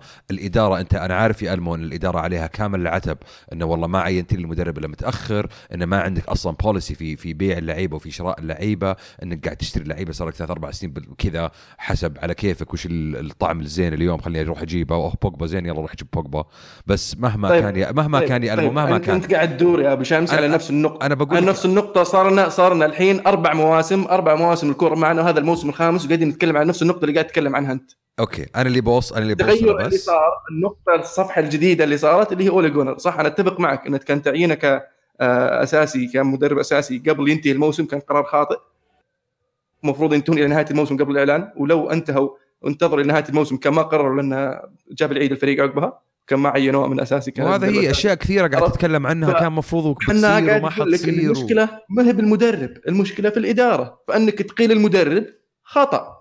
عاد خله يسوي أساس للفريق، نحتاج واحد يسوي أساس الفريق. إحنا المو شفنا كثير مدربين في الفترة الماضية اختلفوا مع إدارتهم وطلعوا من النادي بسبب اختلافهم مع الإدارة ومنها كونتي ومنها مورينيو ومنها غيرهم. لما تكون أنت كمدرب داخل وأنت عارف إنه ما عندك إلا ثلاثة مهاجمين أساسيين وكل واحد فيهم عمره 22 سنة هذاك الحين وصلت لها. مصاب راشفورد مصاب مارشال من مهاجمك الثالث جرينوود جرينوود اللي جايب لي من البراعم. يا أخي أنا أنا كمشجع تشيلسي أنا هذا الحال اللي أنا فيه لأنه أنا عندي ارتباط. أنت كمشجع يونايتد وش عذرك؟ وش عذرك؟ بكل بساطة وش عذرك؟ بعت لوكاكو أنا ما لوكاكو ما يبي عذري يلعب عذري إدارتي لوكاكو- السيئة، وأنا إيه، عارف إن. إدارتي سيئة، أنا طالب بإن اد وودورد يقال، لكن أنا ما أقدر أقيل اد وودورد اد وودورد والله لأن الإدارة الملاك الملاك عاجبهم اد وودورد لأنه يجيبهم فلوس. عرفت؟ حتى مع مستوى سيء للنادي لل- للفريق كرة القدم ما يهمهم لأن في الأخير أمريكان هم تاكين في نيويورك وتجيهم فلوس. إحنا من فأنا ما أقدر أروح أقول له يا تعال يا جليزر آه أبو الشباب. شيل لي هذا لأنه مو قاعد يفهم وهو عارف وكلنا عارفين أن اليونايتد يحتاج واحد يفهم ويكون مدير رياضي على أساس يسوي خطة خمسية ويبني فريق بس هو ما يبغى يخلي إيش؟ قدرته على اتخاذ القرار. فمعي الحين صار له سنتين ونص يماطل فينا بنعين بنعين ثم يطلع خبر أنه والله قاعد سولفنا مع هذا سولفنا مع هذا بنسوي لجه منا مسوين شيء. خلصت ثلاث انتقالات فترات انتقالات ولا شفنا مدير رياضي ولا شفنا أي شيء من هذا القبيل بس كلام صحف قاعد يلعب علينا. قاعد يلعب. علينا فاحنا عارفين إنه قاعد يلعب. علينا بس وش تبيني أسوي؟ علمني وش تبيني أسوي؟ أروح أق- أقيل شو قولي اوريجونو سوشكا شجع تشيلسي شجع تشيلسي عندنا. شباب أفضل يعني والله ما تشيلسي يا عيال حبوا بعض روق روق ما يخس... ما يفسد الاخت... الود قضية أنا والله قاهرني عبد الله إني شفت لينجارد لق مهاجم والله قهرني المنظر أقسم بالله قاعد طالع قاعد وش يسوون ذول؟ قاعد يسوون؟ ليه ليه ليش؟ ليه ليه ليش تحط دراهمكم ليش تحط نفسك في موقف بايخ زي كذا؟ يعني يعني انت أنت قهرك هذا الشيء ولا قهرك ان فلايني يلعب أساسي ويصير يا عمي لو مانشستر فلايني موجود والله يا أحسن يا. المو أقسم بآيات لا الله. يا. لو فلايني موجود في تشكيلة لعبت ضيعت فزت هام والله كان مسكت الوسط يا على الأقل. هجت هجت. مرة هجت ولسه باقي مباريات كثير بريمير ليج بنحكي عنها. يمكن تتم الحديث اللي نتكلم عنه قبل شوي. سبيرز خسروا 2-1 أمام ليستر مباراة كبيرة لليستر وإلى أين يا سبيرز يمكن تتم الكلام اللي قبل قبل شوي. بداية المشاكل عندهم ويمكن لازم فعلا اللاعبين they step up ويثبتون إنهم فعلا آه، صاروا كبار. صاروا حس المسؤولية عندهم وصار مطلوب منهم إن يحققون نتائج. بس من الطرف الآخر عبد الله الحق ينقال برندن روجرز قاعد يسوي شغل رائع مع ليستر من بداية الموسم. آه ليستر حاليا قاعدين نشوف يعود إلى هيبة الفريق اللي فاز بالدوري قبل موسمين ثلاث مواسم. يستحق ليستر الشيء هذا. وبالمقابل نتكلم عن سبيرز ال away form حقهم. خارج الملعب نتكلم عن إنهم ما فازوا ولا مباراة في البريمير ليج من شهر يناير خارج أرضهم عبد الله. فواضح إن في تغيير لازم يصير في الفريق في سبيرز. واضح إنه يحتاج الفريق تجديد بطريقه أو أخرى. يعني أنا بصراحة خطر في بالي لاعب زي ديل ألي. ديل ألي قبل موس- موسمين ثلاثة كان يعني يسجل وهو يضحك على كيفه. متى آخر مرة ذكرنا ديل ألي سجل هدف؟ لاعب زي هذا كنت معتمد عليه أنت بشكل أساسي. ما قاعد يقدي لك نفس الأداء. يا أخي تخلص منه وجيب واحد ثاني يسوي نفس الشغل. خصوصا كان يجيب لهم مبلغ كبير اليوم ما أتوقع يجيب لهم مبلغ مقارب لكن يحمدون ربهم إن جت في فترة الآن التغيير هذه. ملعبهم جاهز انقلوا الملعب. ما عاد عندهم نفس خلينا نقول الالتزامات الكبيرة اللي موجودة من قبل الآن ولو بقت عليهم الديون. الآن بدأ يجيهم تدفق النقدي حق المبيعات من الملعب نفسه فهذا الشيء المفروض يدعمهم كثير. وفي نقطة أخرى صارت في المباراة اللي هو صار في يعني حدث مع, مع الفار. آه كان في هدف للسبيرز تم إلغائه. يعني هذه هذه هذه المشاكل اللي أقول لك إياها الفار عبد الله اللي ممكن تتصلح في الموسم الجاي ومع الفترة. لما شفنا الإعادة كان الإعادة إن بداية الهجمة من سون سون كان متسلل. أنا شخصيا عبد الله ما حسيت إنه يعني مرة المسألة جدا يعني تقديرية إلى حد إنه كيف تقرر إذا هو الرجال متسلل ولا لا. أنا ما شفته متسلل حكم الفار شافه متسلل وتكنسل الجول. في حالات ثانية تكون أوضح ما حد يختلف فيها. متسلل بس إذا تسمح لي متسلل طلعوها بالمسطرة فهذا يجي موضوع الفار. هل إحنا حطينا فار عشان بالمسطرة كل شيء بالسانتي وبالملي؟ يعني إذا كان الشيء واضح ويمديني أشوفه بعيني زين ما اختلفنا بس إذا قاعد تحسب لي على أصبع الرجال طالع والله متسلل أيوه. يعني هذا هذا اللي صار أنا شفت اللي صار و... أجل ليش حاط الفار؟ ليش حاط الفار؟ صدق وسؤال فلسفي ترى أكثر من لأن. لأن لأن في ترى في في, في ناس كثير كانت تفلم لأنه والله برجله متسلله كذا أصبع رجله متسلل فالحين يعتبر متسلل فليش ليش ما هدف؟ أنا بس الحين قالوا طيب حطك فار يخلو يخ- يخ- يفصل السالفة يوم أنا- حطوا الفار يفصل السالفة قالوا لا الحين خربتوا علينا الكورة صار حتى الملي يفرق ألا لا أنا أنا النقطة, طيب يعني النقطة هذه؟ النقطة هذه أنا يا ألمو مثلا اللي شفناها في مباراة تشيلسي ومباراة توتنهام، مباراة تشيلسي كان في هدف آه، كان في هدف لتشيلسي تم إلغائه بسبب الفار وكان واضح التسلل وما حختلف فيها، أنا أتكلم عن هذه مباراة توتنهام، أنا شخصيا ما شفته ما شفته متسلل. أنا ما شفته متسلل، فهل هي المسألة تقديرية ولا هل هي المسألة علمية؟ هذا السؤال. أنا أتوقع حاليا ما وصلت كون- كونها مسألة علمية 100% أتوقع أنها لا زالت تقديرية وأتوقع الشيء هذا ممكن يتغير مع الزمن مع تطور التكنولوجيا. في إطار التكنولوجيا اللي موجودة اليوم إحنا يعني يعاملونه كأن الموضوع علمي وليس تقديري. ترى في الحالات هذه. أنا أشوف إن حاليا التطبيق اللي هو موجود فيه لو ليس 100% علمي. وقاعدين نشوف الحالات هذه في الموسم هذا قاعد تثبت لنا إياها. ما كنا متخيلينها من أول بس صارت تبين. كل ما لها صارت تبين. طبعا سؤال أبو شمس إنه لما يجي الحكم يشوفها هل الجهاز يقول له هي offside لأنها إحنا حاسبينها بالسانتي ولا الجهاز بس يوريه صورة ويقول له الحكم أحكم؟ حاليا في حالات ال offside لا محسوبة بالكمبيوتر يطلعها هل كان متسلل أو لا. عموما المباريات الثانية اللي صارت عندنا الجولة هذه يمكن اللي أبغى أذكرها بس على عجالة اللي هو شيفيلد يونايتد يفوز في الجودسون بارك stadium على ايفرتون 2-0 شيفيلد يونايتد انطلاقة خرافية يعني طبعا النادي اللي كسب سمو الأمير عبد الله بن مساعد قضيته ومعركته القضائية الأسبوع الماضي من ال- الشريكة البريطاني وأمرت المحكمة أن النادي بالكامل يملك لسمو الأمير عبد الله بن مساعد.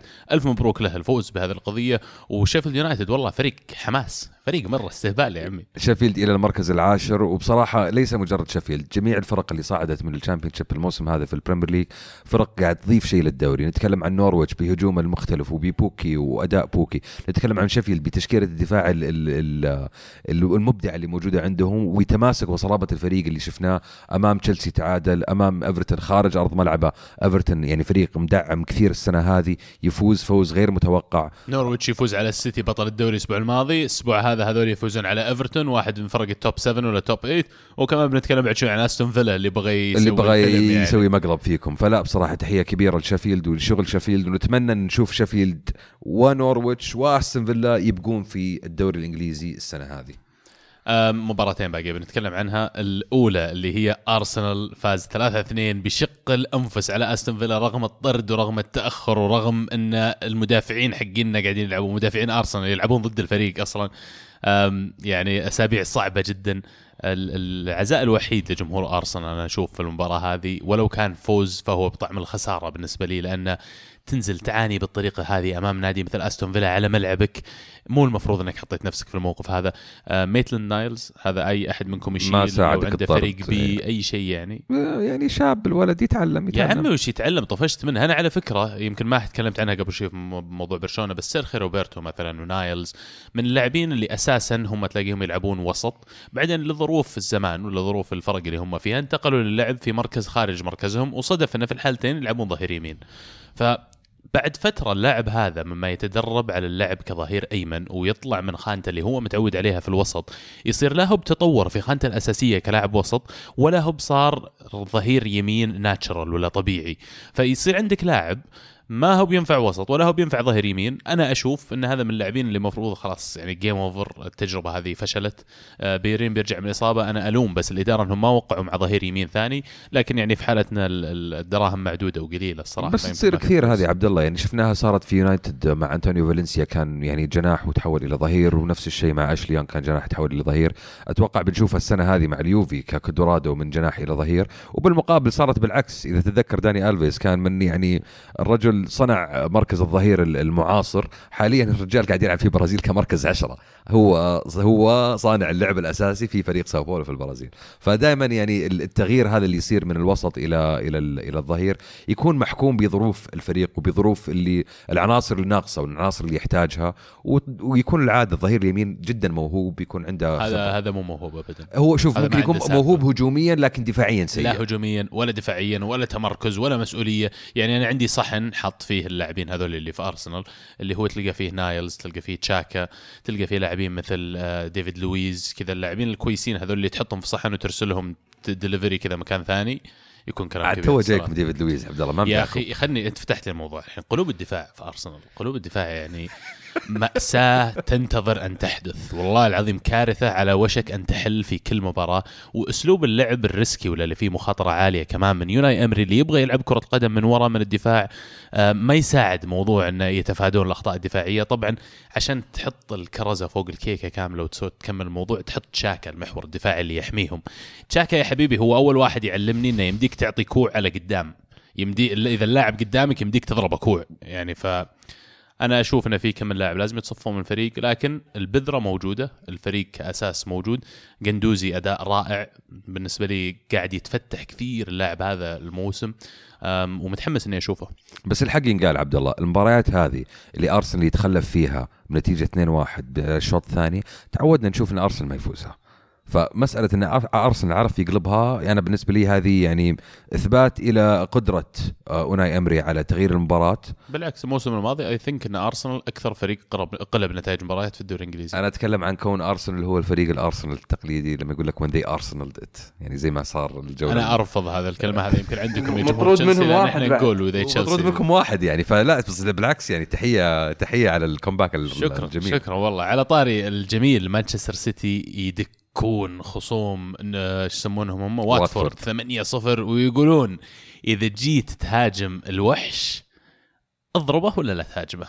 فجو هاجموا الوحش ولعل الوحش زعل عليهم 5 0 في أول 20 دقيقة. وتدري الغريب عبد الله أنا كنت متوقع إنها بتكون مباراة صعبة جدا على السيتي بناء على أداء واتفورد مع أرسنال الجولة الماضية تعادل 2 2 أكبر عدد تسديدات في مباراة ظاهر في تاريخ أرسنال آخر 15 سنة. وأداء السيتي. وأداء السيتي نفس الشيء أداء زعلانين من مباراة نورتش فواضح يعني إن السيتي بالضبط زعلانين وفيهم الحرة وفيهم الحقد وجو طلعوهم من المساكين الواتفورد خمسة أهداف خلال 18 دقيقة.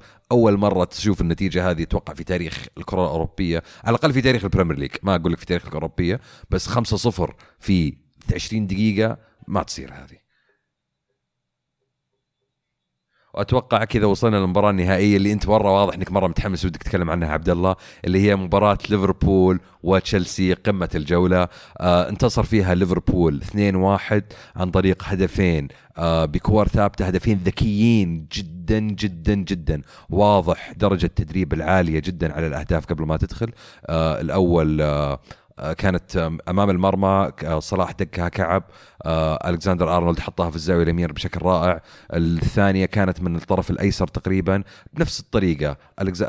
جاء أحد ألكسندر أرنولد ظهر طقها كعب. روبرتسون رفعها وفيرمينو كان في المنطقة الحالة سجلها بالراس بشكل رائع. hard luck والله يا أبو شامسي بس تشيلسي لعبوا مرة كويس. ما توقعت يعني هذا القهر عبد الله. ضد بطل أوروبا ترى قاعد تلعب وفريقك متهالك يعني ما توقعت إن الفرق بيصير كور. وأنا أنا غير كذا أنا متعادل مع بطل أوروبا في بداية الموسم في مباراة السوبر آه، يعني بنتيجة محترمة جدا وكان ممكن يفوز عليهم لولا البلنتيات. لكن في المباراة هذه واضح إنهم داخلين ليفربول يعني لعبوها بطريقة ذكية عبد الله.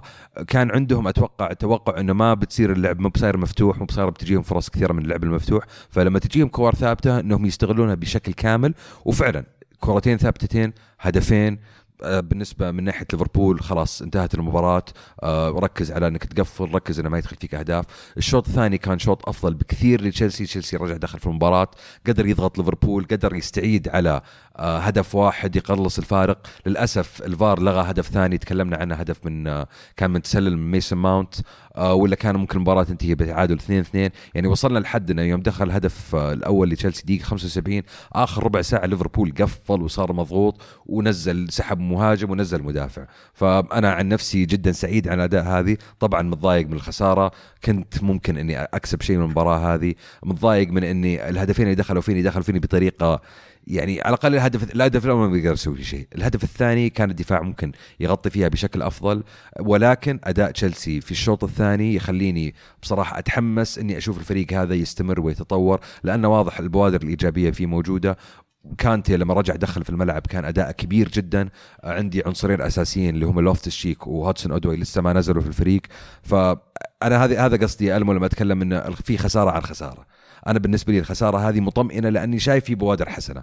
من ناحية اليونايتد أنا كنظري لها غير مطمئنة لما لأني ما شفت بوادر. لا ترجع اليونايتد أرجوك ما له دخل. يونايتد ليفربول لو سمحت لا تتكلم عن اليونايتد تكلم عن تشيلسي. مجد هذه هذه ما لها داعي. شوف أنا شخصيا أنا شخصيا أشوف تشيلسي في أفضل حال من مانشستر يونايتد من ناحية عناصر. يعني وخاصة اللعيبة اللي جايين من الإعارة حقين الأكاديمية هذولي كلهم كانوا يلعبون في إعارات. بينما لعيبة اكاديميه اليونايتد كلهم جايين من الأكاديمية. ما حد فيهم لاعب إعارة إلا توانزيبي. تونزيبي قاعد يلعب في كذاك في الدكة لأنه مدافع وجايبين ماجواير. والإعارة طبعا نقطة مهمة جدا ففي فرق الإعارة نقطة مهمة جدا لما يصير عندك أصلا في خط الهجوم جيرود اللي هو بطل كأس العالم ويصير عندك باتشواي اللي هو يعني مهاجم يعني لف العالم من الإعارات وجاي من الدوري الفرنسي و... ولسه الأساسي حقك تامي أبراهام اللي كان هداف ال Championship مع هداف أستون فيلا في ال Championship الموسم اللي راح ب 26 26 هدف فهذا خط الهجوم الحالة. غير إنه يصير عندك كانتي وجورجينيو والحبيب آه، كوفاتشيتش عرفت؟ وبين وسط يعني فيه فيه يعني مكتومني وفريد وماتيتش وبوجبا. في في فرق في في في العناصر. يستفزك صح, يعني صح إنه أنا عارف أنا عارف بس أنا. بوضح له بس هو إنه, إنه قاعد يدور مشاكل في مانشستر يونايتد لأنه ما يبغى يشوف المشاكل اللي فيه اللي هي يعني إنه اي إنه إنه يعني آه، تشيلسي في أفضل حال مانشستر يونايتد نعم. لكن مشكلة تشيلسي إن المدرب يحتاج وقت وما أثق في الإدارة بتعطيه الوقت المطلوب. بالعودة بس المباراه الفوز ليفربول هذا تحديدا. ست مباريات perfect record بالنسبة لليفربول كلها انتصارات. بديت أقتنع بكلامك أكثر وأكثر يا المو انه فعلا السنة هذه قد تكون سنة ليفربول لأنه يبدو لي ما في ولا فريق قادر انه حتى يجاريهم. آه، فعلا آه، ليفربول هذا الموسم تحسه داخل بثقة أكبر. آه، تحقيق ال Champions League أعطاهم الغرور الغرور الإيجابي لما يدخل في الملعب يدخل الملعب يعرف إنه بيفوز. عرفت؟ يعطي هذا يعطيهم هيبة شوي ويعطي الفريق الخصم شوية رهبه والعناصر اللي عندهم يعني أثبتوا إنهم يقدرون يحققون أشياء ويعني وقاعدين يقدمون مستويات رائعة. كذا نكون وصلنا إلى ختام فقرة البريمير ليج. كان ودي والله أطول فيها أكثر بكثير بس أنا داري يعني لو فتحت لكم موضوع زيادة هجت ولا عاد وصلنا للدوريات اللي عقبها. نوصل كذا للدوري الإيطالي. في إيطاليا يعني أكبر ما حصل في جولة هذا الأسبوع ديربي ديلا مادونينا اللي خسر فيه إي سي ميلان 2-0 أمام إنتر. يعني إنتر يأتي للمباراة هذه أو قبل المباراة هذه في حال أفضل بكثير من ميلان لكن العادة تعودنا أن مباريات الديربي ما تحكمها الظروف بس يبدو لي الانتر السنة هذه فعلا أفضل بمراحل ويعني قد يكون في مكان انه ينافس على الدوري أو على الأقل يكون المركز الثاني. ولدكم عاد يا أبو شامسي ويا المو اثنينكم لوكاكو. آخرتها راح إنتر وبيجيب الدوري مع إنتر وأنتم إيش قاعدين تسوون بروزوفيتش طبعا من نزلناه من سفينتنا وهو قاعد يسجل ابشركم اموره زاينة. بس آه، بالنسبة للميلان تحديدا أبغى أسألكم شفنا أول ما تغيرت الملكية فيه؟ حصل استثمار كبير في النادي تغيرت كثير من الطاقم اللاعبين اللي موجودين لكن الموسم هذا يعني يمكن حتى من يناير الماضي هدأ الموضوع هذا. ولا عاد نشوف انت الميلان فعلا ينافس على الصفقات اللي أعلن عنها في بداية تغيير الملكية. هل تشوفون إن عدم تأهل الشامبيونز ليج هو اللي يحيل ما بينهم وبين الاستثمار ولا هذا توجه الإدارة الجديد إن عندنا مجموعة كويسة من اللاعبين إذا نبغى نشتري لازم نبيع؟ ال ال ال الأساس عندهم جيد آه، يحتاج إلى شوية شوية تدعيمات. العناصر لو تشوف اللي جابوها أغلبها عناصر شابة آه، من من أهمها بصراحة في وجهة نظري آه، بن ناصر لأنهم يحتاجون واحد في في في في خط الوسط محور دفاعي بعد ما دعموا بباكيتا في في جانوري اللي قبله كان وسط هجومي يكون يعني على الأقل ينافس بونافنتورا اللي اللي مع الأسف أصيب وكان بغيابه يتأثر. هجوم آه، الميلان. المدرب الجديد يعني قاعد يمشي بتوجه خطة آه، واضحة والتغير في في ال ال الإدارة في بتعيين مالديني والشلة اللي معه. واضح إنه يعني في عندهم خطة يبغون يمشون عليها حبة حبة. وخروجهم من اليوروبا ليج قد يكون ضاره نافعة لأن اليوروبا ليج راح يزيد عليهم الضغط وراح يزيد عليهم القروشة وهم في غنى عنها. ومفروض الحين يركزون على الدوري ويحاولون إنهم يوصلون إلى الشامبيونز ليج.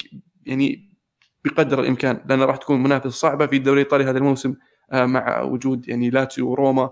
وهذا هذا يعني طبعا غير الثلاثة إنتر ويوفي ونابولي. طب بالنسبة للإنتر هل تحسون إن هذا موسم تجهيز ولا عندهم القدرة من اليوم إنهم فعلا قوة حقيقية؟ سواء في الدوري الإيطالي ولا في أوروبا إنهم يحققون شيء عليه الكلام خصوصا إن معظم اللاعبين اللي موجودين عندهم ترى مو بصغار لاعبين يعني ما أقول لك إن شيبان لكن في نفس الوقت جاهزين إنهم يعطون ال impact من اليوم من day 1 وخصوصا يعني الموضوع اللي أنا دائما أعيده اللي أقول أفضل صفقة انتقالات صارت خلال الصيف هذا التعاقد مع ماروتا, ماروتا وكونتي كصفقة واحدة إنك حطيتهم في نفس المكان.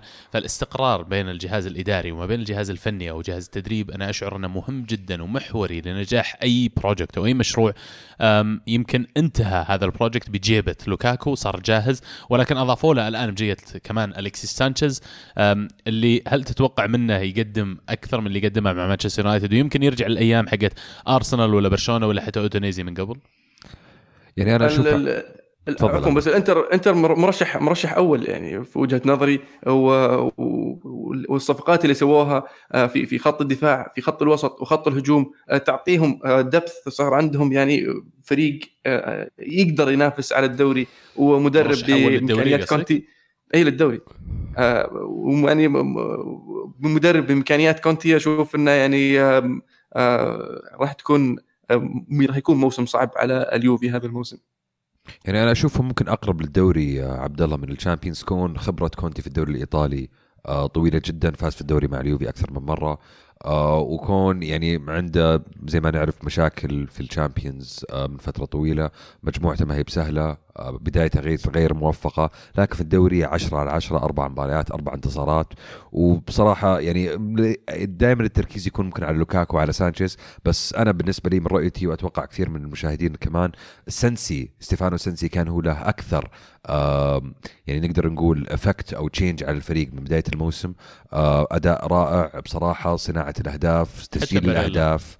أو حتى برا نفس الشيء. فالواضح بالنسبة لي إن إن إنتر مستعد جدا 100% إنه ياخذ الدوري ويسيطر على الدوري ومع كونتي عنده مدرب يعرف كيف يتحكم في الفريق وكيف يعرف كيف يمشي الفريق على مدى موسم طويل 38 مباراة. آه وأتوقع آه إن الموسم هذا هو الموسم اللي لازم ياخذ فيه الإنتر فرصته ويحقق الدوري بعد فترة طويلة من الغياب. نابولي يستمر في الانتصار ويستمر في ملاحقة المتصدر إنتر. ويفوز في الجولة هذه 4-1 على ليتشي. في ليتشي مباراة ما تأثر منها كثير نابولي من خلينا نقول ال hangover ولا المجهود المضاعف اللي بذلوه في مباراة ليفربول. يرجعون في المباراة هذه. وبقيادة يورنتي اللي تكلمت عنه يورنتي يمكن يا المو فعلا أضاف بعد آخر للفريق وخيار هجومي مهم جدا. يعني ترى اللاعب يمكن لفتت نظري ال comment اللي قاله ألمو قبل شوي على اللاعبين الإعارة اللي فروا على دوريات كثير. اللاعب لما يروح أكثر من دوري ويشارك مع فرق عليها الكلام ويشارك مباريات يكون هو معتمدين عليه بشكل كبير فيها يجي خبرة ما موجودة عند أحد. فأشعر يورنتي الآن بنهاية ال career حقه أو نهاية المسيرة لعب في إسبانيا لعب في إنجلترا والآن يلعب في إيطاليا وكلها لعب على أعلى مستوى. أشوف حتى من أيامه مع سبيرز. فإضافة كبيرة لنابولي ويمكن يكون هو الجندي المجهول اللي ناقصهم عشان يحصلون فيه على نتائج المباريات اللي العادة يخسرون فيها. ولا تنسى ترى لعب مع اليوفي في أيام كونتي. فحتى عنده خبرة في الدوري الإيطالي وفعلا آه، ال target man أحيانا يعطيك ال plan B اللي اللي تستفيد اللي ممكن تستفيد منه في المباريات الحرجة. ويخفف الحمل على شو اسمه آه، ميليك اللي اللي مع الأسف يعني الإصابات مخربة شوي عليه. آه، وبشكل عام نابولي أفضل أشوف إنه أفضل لكن ما زال يحتاج يحتاج يعني شيء أو شيئين اللي نقدر نقول إنه مرشح إنه يفوز باللقب. مرشح المنافسة لكن مو بيفوز بالدوري ما زلت غير مقتنع تماما. يوفي يفوز 2-1 على فيرونا في مباراة مجنونة. تقدم فيها فيرونا عن طريق ميغيل فيلوسو في الهدف اللي أنا معليش spoiler بس إني أنا بختاره بعد شوي هدف الأسبوع لأن يعني فيلم الجول نفسه. ضاع بلنتي ضربت عارضة رجعت الكره ارتدت بنوا الهجمة من جديد وكان في حتى احتجاج على البلنتي نفسه إنه الظاهر آه، يطالبون بإعادته إذا ما كنت غلطان لا وصك صك عارضة مرتين. فيعني ومع ذلك جا الجول في الأخير. يا رجال في الأخير بوفون عاد واقف يعني ما يتفرج عليها. هذا اللي قال لك غصب يدخل غصب. بس غصب بعد يوفي رجع المباراة. أرون رمزي يفتتح رصيد التسجيل بالنسبة لي آه، اليوفي و شيء عزيز على قلبي إنه فعلا رمزي هذه اللحظات حقت المباريات اللي أنت ما تتوقع فيها آه، خلينا نقول يكون مقفل المباراة فيها وتبي لاعب خط وسط ولا لاعب من غير مركز الهجوم يقوم بالفرق ويسجل الجول فعلا عشان يفك السمبوسة زي ما يقولون ولا يكسر الدريد لوك هذا اللي سواه رمزي ورونالدو طبعا بالتخصص ركلة جزاء يسجل الهدف الثاني يوفي كني أسمعك ألمو قبل شوي تقول عندك تحفظ على موضوع إنهم المرشح الأول للدوري الايطالي كأنك ترشح إنتر. ليش مو اليوفي طيب؟ أم لأن معليش آه، ساري ليس المدرب الأفضل اللي يعني شوف نابولي أقالوا ساري مع إنه كان مسوي معهم كويس أساس ينقلهم إلى المرحلة اللي بعدها اللي هو أنشيلوتي. فأنت الحين معك أليجري تقوم تشيله وتجيب ساري ف آه، يعني أنا أشوف إن اليوفي آه، يعني رضخ لضغط بعض الجماهير بمطالبة باللعب الجميل على الحفاظ على الاستقرار الفني آه، والإستمرار في الفوز بالألقاب. يعني مدرب قاعد يفوزك كل موسم عرفت؟ ودائما موجود في المنافسة على دوري الأبطال. ف ليش ليش تشيله وتجيب ساري؟ ما فهمت. وكونتي كمدرب كونتي أفضل في آه، في آه، آه، يعرف يتفاهم مع الدوري يعرف يفوز بالدوري لأنه تجيك مباريات اللي لازم تفوز ويطلع لك بالفوز الواحد صفر لأنه يعرف يتعامل مع المباريات هذه. وأنشيلوتي كمدرب يعني أفضل منهم اثنينهم لكنه مو متخصص دوري فحاليا من بين التوب 3 اليوفي ما عندهم المدرب الأفضل. صح إن عندهم العناصر الجيدين آه، الممتازين عندهم رونالدو عندهم آه، هيغوايين عندهم آه، كيليني وديليخت ورمزي واسماء بس مو دائما الأسماء هي اللي اللي تفوزك بالألقاب. أتفق معك فعلا. روما كمان فازوا 2-1 على بولونيا خارج أرضهم بهدف في الدقائق الأخيرة من جاكو دقيقة 94 بعد ما جاهم طرد. وبنهاية الجولة يعني انتر فعلا زي ما قلت ألمو perfect record أربع مباريات أربع انتصارات في المركز الأول. يوفي المركز الثاني فرق نقطتين نابولي ثالث وروما رابع أه، تسع نقاط وثمان نقاط على التوالي. كأنها انرسمت من بدري الموسم هذا ال top four إيش راح يكون في إيطاليا؟ ما زال عندي شكوك على روما بشكل عام. لأن راح راح يواجه يواجه منافسة شوي أه، من من بعض الفرق. و ويعني نشوف إيش يسوي في مع التوفيق بين الدوري والمشاركات الأوروبية. فعلا والله يعني لأن الدوري الإيطالي من يعني كل مرة نقول ان نبغى نشوف فيه منافسة بشكل أكبر ونبغى نشوف فيه حماس ويبدو لنا الموسم هذا قد يكون هو الموسم اللي فعلا نشوف فرق ثانية بدأت تطلع. ولو فعلا انتر قدروا يسوونها يفوزون على اليوفي في الدوري الموسم هذا ويحققونه أشوف إن السعر ما كان عالي مرة بالنسبة للإنتر. يعني حجم الاستثمار ما كان مبالغ فيه ولو تقارنه بالاستثمارات اللي يسوونها أندية أخرى في دوريات ثانية يا بلاش. كذا نكون قفلنا على فقرة الدوري الإيطالي ونوصل لبطل وبصل أول شيء أعطونا. بطل وبصل عندك يا أبو شامسي. بطل وبصل آه بالنسبة لي بطل الأسبوع هو مانشستر سيتي. مباراتين سجلت فيها 11 هدف 8 صفر خمسة أهداف في ثلث ساعة. وش التفجير؟ وش الدمار؟ وش الهياط يا السيتي روقوا شوي تكفون. آه، بصل الأسبوع بالنسبة لي هو برشلونة بدرجة أولى. آه، خسارة من غرناطة مهما كان غرناطة فريق صغير مقارنة لبرشلونة آه، تعادل في ال Champions League كان ممكن تأدي أفضل من ذلك. بس أنا بالنسبة لي بصل على المنظومة بشكل كامل وعدم القدرة على الفوز والتخبط اللي صاير معاهم.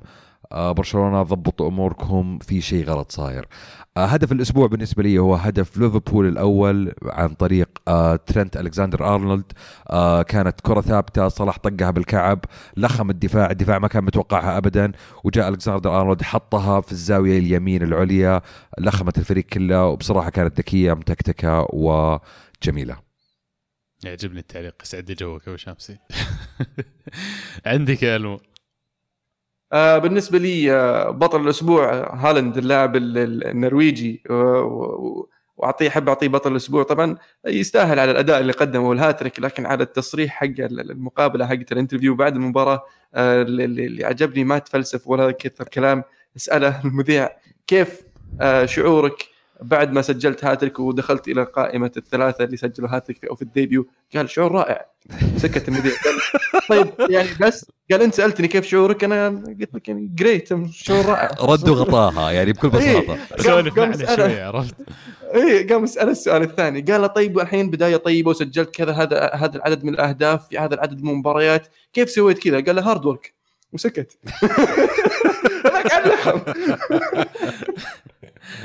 بس اهنيه بصراحة لاعب رائع. وإن شاء الله مستقبله باهر.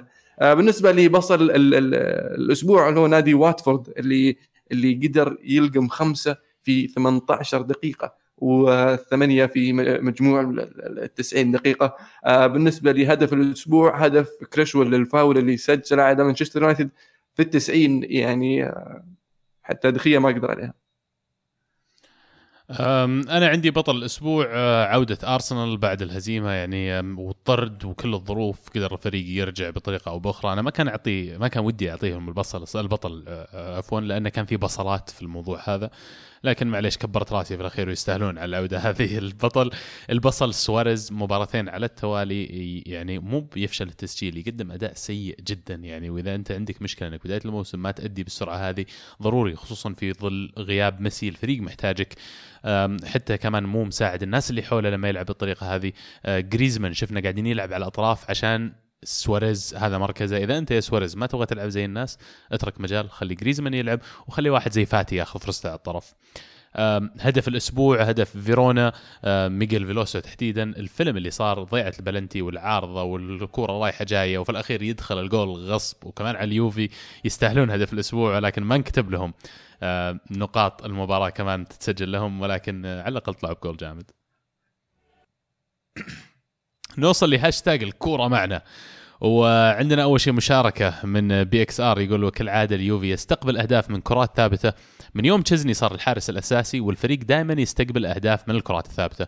الحارس مو عارف كيف يتمركز وقت الكرات الثابتة. طبعا هو قال الكرات الثابتة كثير لكن هل دائما اللوم على الحارس في ظل الأهداف اللي جاية من فاولات ولا من corners ولا كرات ثابتة؟ يعني سمعنا كثير عبد الله من ناحية ال marking اللي ممكن يصير للعيبه نتكلم عن mar mark ال man marking اللي هو لاعب اللاعب ولا zone ال mark اللي هي حسب المنطقة. آه نقاش أزلي لا نهاية له لا بدايه له. دائما في ناس ترشح هذا على على الثاني.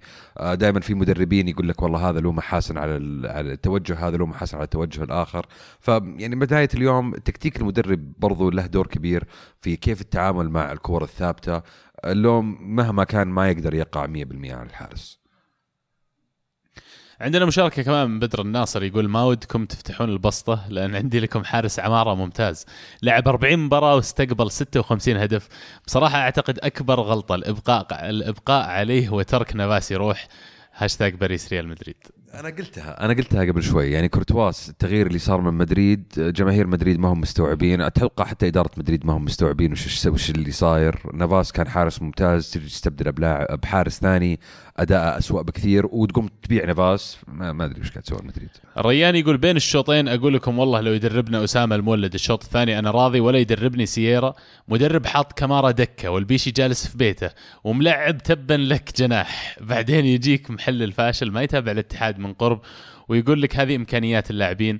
فهموني البيشي خارج ال 18 كيف وأنا بقول معكم إن الهلال قوي والحين برضو بين الشوطين بس بقول من الحين قرار إقالة سيارة صحيح وما أسمح لأحد يقول خاطئ كذا أنا دكتاتوري خاف طيب تسمح لي اي خاف تعلق ويزعل عليك دكتاتوري هو يا لا لا هو شوف انت تشوف إنه صحيح آه، ولكن تناقشنا في الموضوع هذا وقلنا كيف إن الاتحاد وإدارة الاتحاد أحيانا تستعجل وفي آه، ريان الله يصلحه زعل على تصريح ري- سيارة أن أنقذ الاتحاد من الهبوط. يعني يعني نسيت أن الاتحاد كان يحارب على الهبوط. يعني ترى ترى قاعد الموسم اللي راح يعني ست مباريات ولا فوز ولا نقطة ولا هدف. فيعني بعدين جاء سيارا وبعد يعني فيلم سووه الاتحاد والجمهور الاتحاد يطالبون بعودة سيارا وانتشلهم من هناك وقدر إيش يرقى فيهم إلى ال- ال- ال- ال- يطلعهم من الهبوط. والحين فجأة بعد ما يعني صارت له كبوه خسر مرتين ثلاثة صح في أشياء جانبية يعني قد يكون جمهور الاتحاد أدرى فيها واللي هي لها علاقة بالانتقالات والعناصر الأجانب اللي طلب طلبهم آه، سيارا لكن في الأخير ال- ال- آه، ما راح يفيد أحد أنك تعين آه، وتقيل وتعين ثم تقيل وتعين لأن حتى لو أقلت سيارة الحين بتجيب واحد بتنبسط عليه شوي ثم بيخسر مباراتين ثم تقول قله يلا شيل. ثم بعد موسمين بتقول آه أيام سيارة. وين أيام الأزمة وأيام سيارة؟ يعني ما أدري ما أدري إلى متى والجمهور السعودي آه، زي كذا. شيل مدرب عاطفية, ركب عاطفية مدرب. كبيرة جدا من الجمهور إيه. وبالعكس يعني ف- كل واحد له وجهة نظر. أكيد لك وجهة نظر بس يعني لا لا تخلي ال- ال- ال- العاطفة هي اللي تقود رأيك عرفت؟ إن أحيانا تكون أنت وقتها يعني بين الشوطين راسل التغريده هذه متنرفز أنا مقدر. آه، فيعني نم روق ارجع لحساباتك. يعني شوف الفرق بين الفريقين ال- العناصر ال- يعني ال- الأشياء هذه والأمور اللي مر فيها الاتحاد. إي ويعني الاتحاد قاعد يرقى تدريجيا. آه، يعني فمن حظها السيء لأنه قابل الهلال مرتين يا أخي. مو هو ب- يعني شيء كان يعني محطوط يعني بإرادتنا يعني قرعة وصارت عاد له تكمله له تكمله ريان يقول سيارة المدرب الهجومي الشجاع الغير صدامي صار جبان ويلعب ضد الهلال في الذهاب عشان تعادل ونتيجة إيجابية وصار عنيد بس بيثبت أن قناعاته صحيحة لدرجة يلعب بطة جناح ويخلي البيشي جالس في بيته والكارثة أنه يصرح أنا أنقذت الاتحاد من الهبوط. ريان أنا عندي تحفظ بس شوي على الاستخدام يعني ال- التجريح والهجوم وزي ما قال ألمو أنا مقدر يمكن كاتبها في وقت أنت متنرفز بين الشوطين لكن روق الله يصلحك. The Beautiful Game يقول هل توافقون بأن أيام الليغا كالدوري الأهم والأكبر صارت معدودة وبأن ال Premier League صار هو في المركز الأول والدوري الإيطالي شكله راجع بقوة؟ وشامسي يعني أنا من زمان أشوف إن البريمير ليج ماكل آه، بصراحة الجو على جميع الدوريات الأوروبية الثانية. آه، لا من ناحية المنافسة بين الفرق الصغيرة والفرق الكبيرة لا من ناحية المبالغ اللي نشوف الفرق تصرفها على اللعيبة واللي يقول غير كذا أبو شامسي. اللي يقول غير كذا عنده وجهة نظره وأنا أحترمها بس أنا أحس إنه ما عنده سالفة.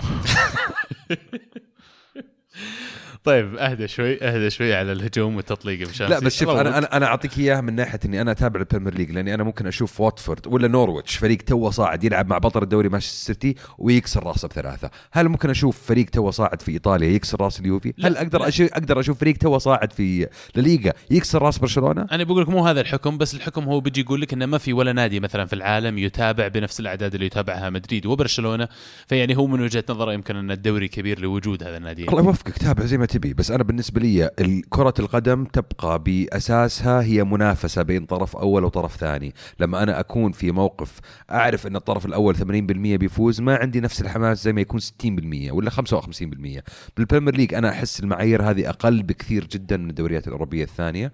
طبعا نتكلم دائما عن الفرق الكبيرة نتكلم عن بي إس جي مدريد برشلونة البايرن. الفرق هذه اللي هي لها أكبر جماهير دائما إحنا نتابعها. آه، أشفق وأحزن على مشجعين الفرق الصغيرة وأحزن عليهم أمثال فالنسيا ولا روما لأنهم هذول المساكين يتعبون ويعانون. لكن مهما كنت إذا أنت تشجع فريق في البريمير ليج كان هو توتنهام ولا يونايتد ولا تشيلسي ولا أرسنال ولا حتى السيتي تدخل أنت كل أسبوع ما أنت بعارف إيش بيصير. ونهاية الموسم ما أنت بعارف إيش بيصير. فأنا بالنسبة لي هذه هي متعة البريمير ليج وأساس متعة البريمير ليج. أنا آه، عارف إيش بيصير يا أبو شامسي تخسرون. ليفربول بيفوز بالدوري. والله من قاعد تسوي إنك. تضحك وكذا وفريقك كويس. ترى عندك ثمان نقاط وعندي ثمان نقاط. لا تحسب انك أحسن مني يعني. في أنا الاخير أنا صاقعك. إيه، أربعة. عبد الله أحسن مني عبد الله أحسن مني اللي لمده طويلة يعني ما يمديني أقول هالشيء بس الحمد لله. واضح صار هو منكم الصراحة. صديق البرنامج مؤيد الرواشدة يقول فرق كبير جدا عن الأداء الإنتر أمام سلافيا وأمام الميلان. هل الموضوع صلة بالمقولة الشائعة اللي تقول بأن كنت مدرب دوريات وليس أبطال؟ وأتوقع أن بعد الأداء الرائع لباريلا مؤخرا صار أحق من فيتشينو بمركز أساسي. آه، ال- النصف الأول من السؤال بالنسبة لي إنه آه، كونتي مدرب دوريات وليس أبطال؟ أتوقع قلتوه قبل شوي. المو يمكن تحديدا قلت إنه مدرب دوريات أكثر. والنصف صحيح. الثاني باريلا أنا أتفق معاك تماما وهذا الشيء اللي أقول لك إياه قبل شوي بشامسي. فعلا باريلا أنا أشوف من أحد الاكتشافات الرائعة لإنتر الموسم هذا. اللاعب بدا يثبت نفسه بشكل أساسي ولكن شيء إيجابي إن عندك ناس زي فيسينو وزي باريلا بالعكس لا تنسى اللي قدمه للفريق ويمكن إنه الآن ليس في أفضل حالاته مقارنة بباريلا آم، لكن صدقني ال- الموسم طويل عدد المباريات كبير جدا وراح يكون لكل أحد مكان في الفريق. وخاصة لما يصير لاعب شاب تو جاي للفريق فيحتاج يحتاج لوقت على أساس إنه يثبت أقدامه في الفريق الأول. آه، فهو يحتاج هي مساله مسألة وقت. وإذا استمر على أداءات ال- الطيبة هذه أكيد راح راح يكون آه، يعني يلاقي مكانه في التشكيلة الأساسية. الموضة هالأسبوع يبدو لي على الفرق اللي تأدي في الدوري بشكل وفي الشامبيونز بشكل آخر لأن عندنا مشاركة كمان من قيصر أوروبا يقول أداء مخيب جدا وبل الأسوأ لريال مدريد من فترة طويلة أمام باريس. ولكن على النقيض شاهدنا ريال مختلف تماما أمام إشبيليا. روح وإصرار عند اللاعبين ما شفناه من فترة وصدارة للدوري نتمنى بقائها للنهاية. وأتوقع شفنا الفرق بين دفاع الريال مع وبدون الكابتن راموس. في حملة والله ود راموس صار اي لا شوف في فرق كبير بصراحة. لما يكون عندك الكابتن يكون موجود أكيد الدفاع بيكون متماسك أكثر وبيكون أفضل لأنه هو القائد وهو هو هو العنصر الأساسي في الدفاع.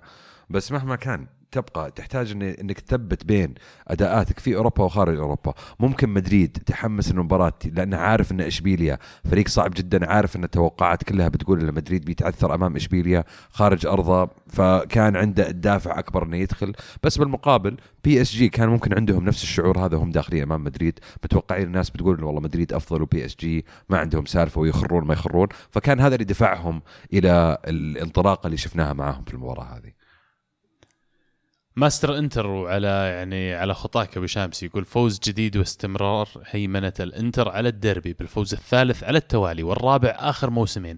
بالنسبة لي ما أهتم بالأبطال وأتمنى خروجنا منه بأقرب وقت عشان نصب كامل التركيز على الدوري اللي أشوفه أقرب لنا نظرا للأداء المخزي لليوفي هذا الموسم.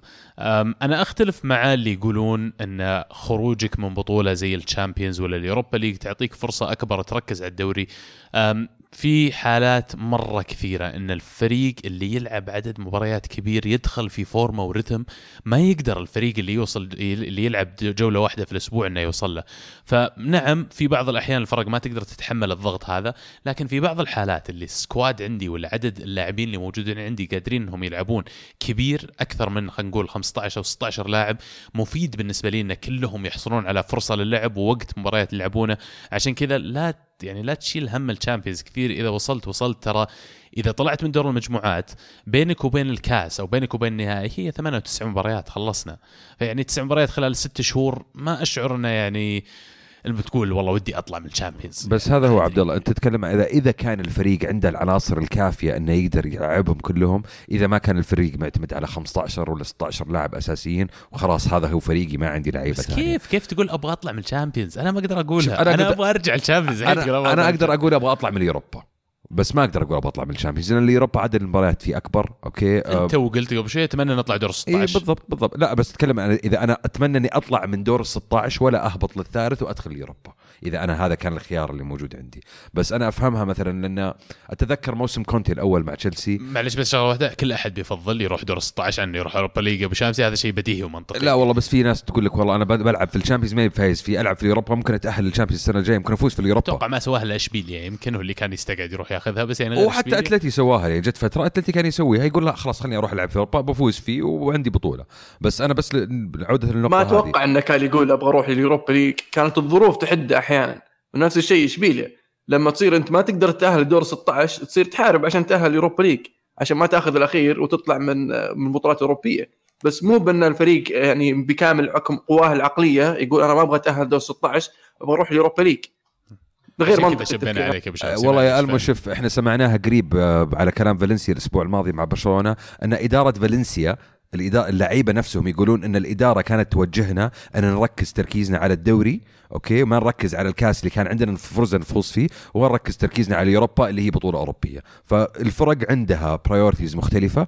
أنا ما أقدر أقول لك وش هي ال priority حقت كل فريق ما أقدر أقول لك وش الأولوية لكل فريق. بس اللي أقدر أقول لك يا عبد الله إنه لما يكون عند الفريق فرصة إنه ما يلعب بشكل أسبوعي مباراتين أو يمشي الموسم كامل يلعب مباراة واحدة في الأسبوع زي ما صار مع كونتي في الموسم الأول مع تشيلسي. ممكن يكون الفريق fresh أكثر إنه يقدر يحتفظ على الدوري. وأتوقع هذا اللي كان قصد الأخ الكريم اللي كان شاركنا في الهاشتاج إنه وده يركز تركيزه الكامل على الدوري بدون ما يكون عنده أي نوع من أنواع ال distraction لأنه هو في نهاية اليوم هدف الدوري مو بهدف ال Champions. ممكن أشرح لك ليش بعض الأندية تفضل إنها تفوز آه، أو تركز على الدوري على إنها تفوز بالبطولة؟ لأن الإدارة تفكر ماديا. فلما تركز على الدوري تأهل إلى ال top four وتروح لل Champions League فبصير عندك فلوس أكثر. هذا الشيء اللي مخلي إدارة توتنهام حتى في نفس الحالة إنها ما تركز على بطولات الكأس اللي هي ال League Cup وال FA Cup قد إنها ما تحط ثقلها إنها تتاهل على إيش؟ ال top four عشان توصل Champions League وتأخذ فلوس. وغير منطقي إنك توصل هم فكرهم فلوس. أنا ما شريت النادي والله عشان أفوز النادي ببطولات. أنا شريته عشان أخذ فلوس وهذا اللي صار مع أندية كثير حاليا من بينها مانشستر يونايتد بعد. وتوتنهام وفالنسيا على حد على حد كلامك. فيبغى هو إنه يوصل إلى دوري الأبطال عشان يجمع نقاط فلوس وأكثر إنك تجمع فلوس من لما تتأهل من دور المجموعات على إنك لما تروح ل Europa League وتروح تفوز بال Europa League يعني هو أتوقع واقعي عبد الله في ناحية إنه عارف إنه مو بفايز في ال Champions عارف إنه ما عنده فريق يواجه في ال Champions. فدائما دائما عارف الدعوة كذا اقطع السالفة من أولها وخلاص خلني أطلع من بدري وأثبت في الدوري. أنا بس مشكلتي إنه ما في ضمان تسوي زي كذا وتطلع وآخر شيء تطلع بخفي حنين ما تطلع بدون شيء. وصح وبالمقابل ممكن تكون توصل يعني فجأة فريق زي توتنهام ما فجأة لقيت لقيت نفس لقيت نفسك في النهائي بالضبط. بدون ما تدري وارد ترى وارد. مو يعني. صارت وارد. موناكو صارت. معهم. إيش آه يسمونهم الدوري الالماني ذوليك شالكا صارت معهم بورتو صارت معهم فيعني لا تستبعد أي شيء خلي الفريق يكمل خذها مباراه مباراة. عموما آه بعدنا كثير آه تتمة لل خلينا نقول التشاؤم اللي قاعد تشوفه فعلا على اليوفي ومن جمهور اليوفي. فورزا بيانكونيري يقول في مشكلة ذهنية في الفريق. في مباراة نابولي وأتلتيكو كنا متقدمين بفارق هدفين وأكثر وقدر الفريق المنافس يرجع بسهولة. الدفاع كارثي في الكرات الثابتة والعرضية رغم وجود ديليخت وبونوتشي الممتازين في الكرات العالية. الموسم ما يبشر بالخير. آه، الكل قاعد يعاني من الكور الثابتة الكل قاعد يعاني من إنه يكون متقدم ويرجع يخسر ولا يتعادل. فالمشكلة عندنا وعندك خير يا العزيز. الهادي عبد الرؤوف يقول الدفاع الأضعف في الليغا بتسع أهداف في خمس مباريات رغم وجود شتيجن اللي سوى معجزة أمام دورتموند بتصدياته وانقاذها للفريق. سبع نقاط فقط من أصل 15 ممكنة. أرقام كارثية بكل ما تعنيه الكلمة من معنى إلى متى يستمر هذا الأداء. وش سر جريزمان اللي إلى الآن لم يجد نفسه مع الفريق؟ فعلا زي ما أقول لك يا الهادي النتائج كارثية فعلا بالنسبة لبرشلونة في ظل الاستثمار اللي صاير. وجريزمان السر انه ما وجد نفسه أنا بوجهة نظري يرجع إلى أن المدرب مو مثبته على مركز واحد هو أصلا يلعب مهاجم أفضل شيء له مهاجم ثاني.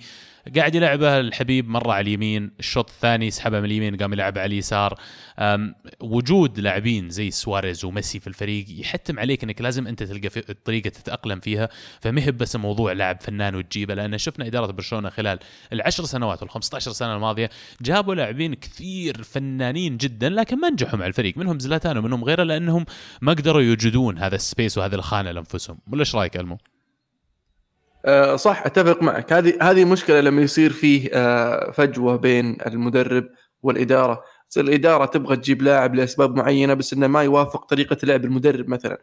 فيصير يضطر المدرب إنه يغير طريقة لعب الفريق كله عشان يوافق هذا اللاعب أو إنه يخلي اللاعب على جنب ويكمل بالفريق اللي عنده قاعد يلعب بالطريقة المناسبة.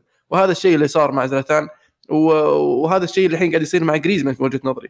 آه يا إنك تغير شكل الفريق عشان إنه يخدم جريزمان وحتى المفروض إنه حتى في هذه الفترة آه آه شو اسمه عندك سواريز وجريزمان لاعبهم كمهاجمين قدام واستغل العناصر اللي عندك كمساعدة ومسانده آه، في خط الوسط اللي المهاجمين هذولي. لكن أحيانا بعض المدربين يفضل ان أنا عندي الطريقة هذه بلعب فيها اللاعب مفروض إنه يركب هنا إذا ما ركب هنا نشيله ونجيب اللي بعده فتعتمد على مدرب ومدرب آخر. عندنا مشاركة من يزن كمان يقول ليفربول بطريق ثابت نحو اللقب حتى لما يقدم الفريق أداء أقل من المتوقع يفوزون وهذه خصائص وهوية البطل. بكلمة واحدة أبو شامسي تتفق ولا تتفق؟ آه فعلا أتفق 100% فعلا خصائص البطل هو لما يفوز وهو قاعد يلعب سيء.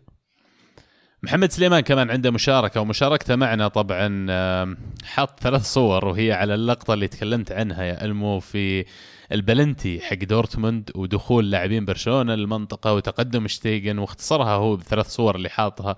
يقول وش بدينا؟ أين الفار؟ فيبدو لي مو بأنت الوحيد اللي عندك اعتراض يا ألمو على الموضوع. واضحة ما أكيد إنه مو أنا الوحيد يعني وش دعوة؟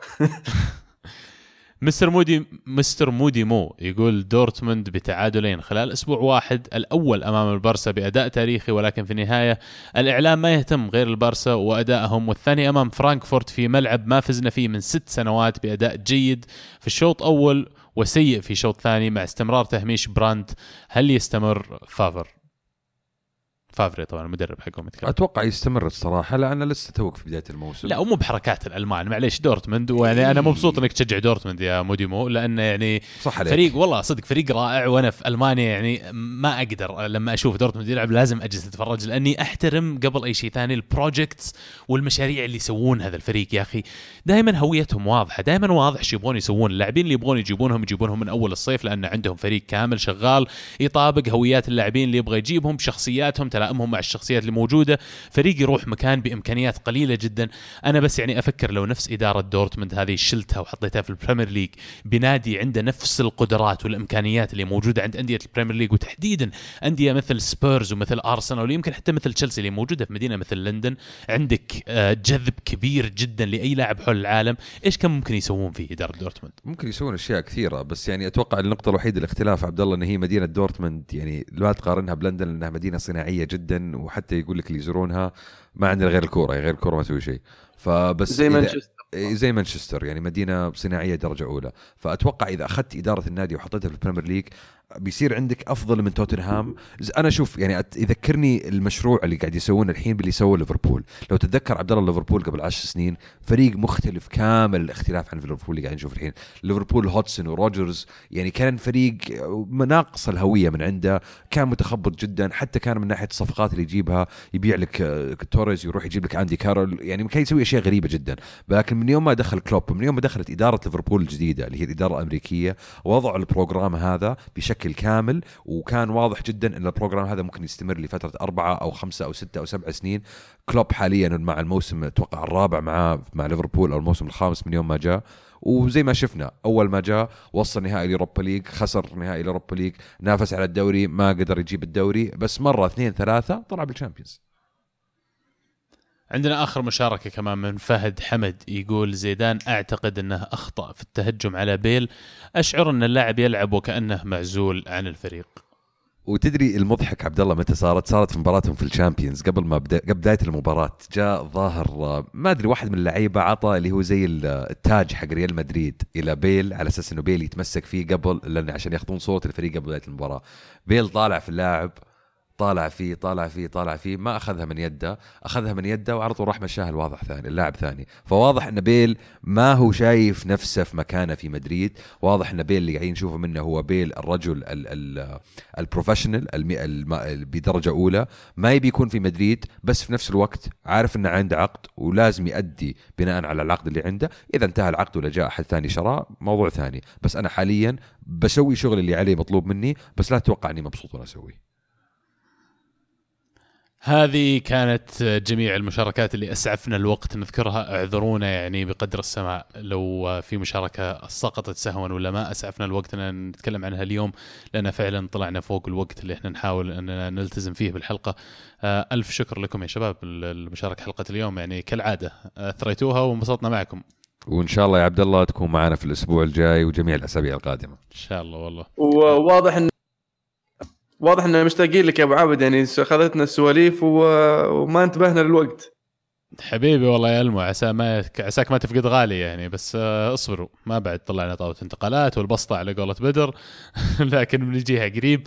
آه، أذكركم تابعونا على جميع حساباتنا على التواصل الاجتماعي وكمان آه، تويتر SoundCloud iTunes يوتيوب موجودين كمان على أنغامي. لا نفوتكم Spotify الآن كمان إحنا موجودين. إذا أي application مر عليكم ما لقيتوا الكورة معنا فيه كل اللي عليكم تسوونه just tweet ارسلوا لنا تويته وما لكم إلا اللي يرضيكم إن شاء الله. كل عام والوطن شامخ. ألف شكر لكم للمتابعة وكانت الكره معنا الحين الكره معنا فمان الله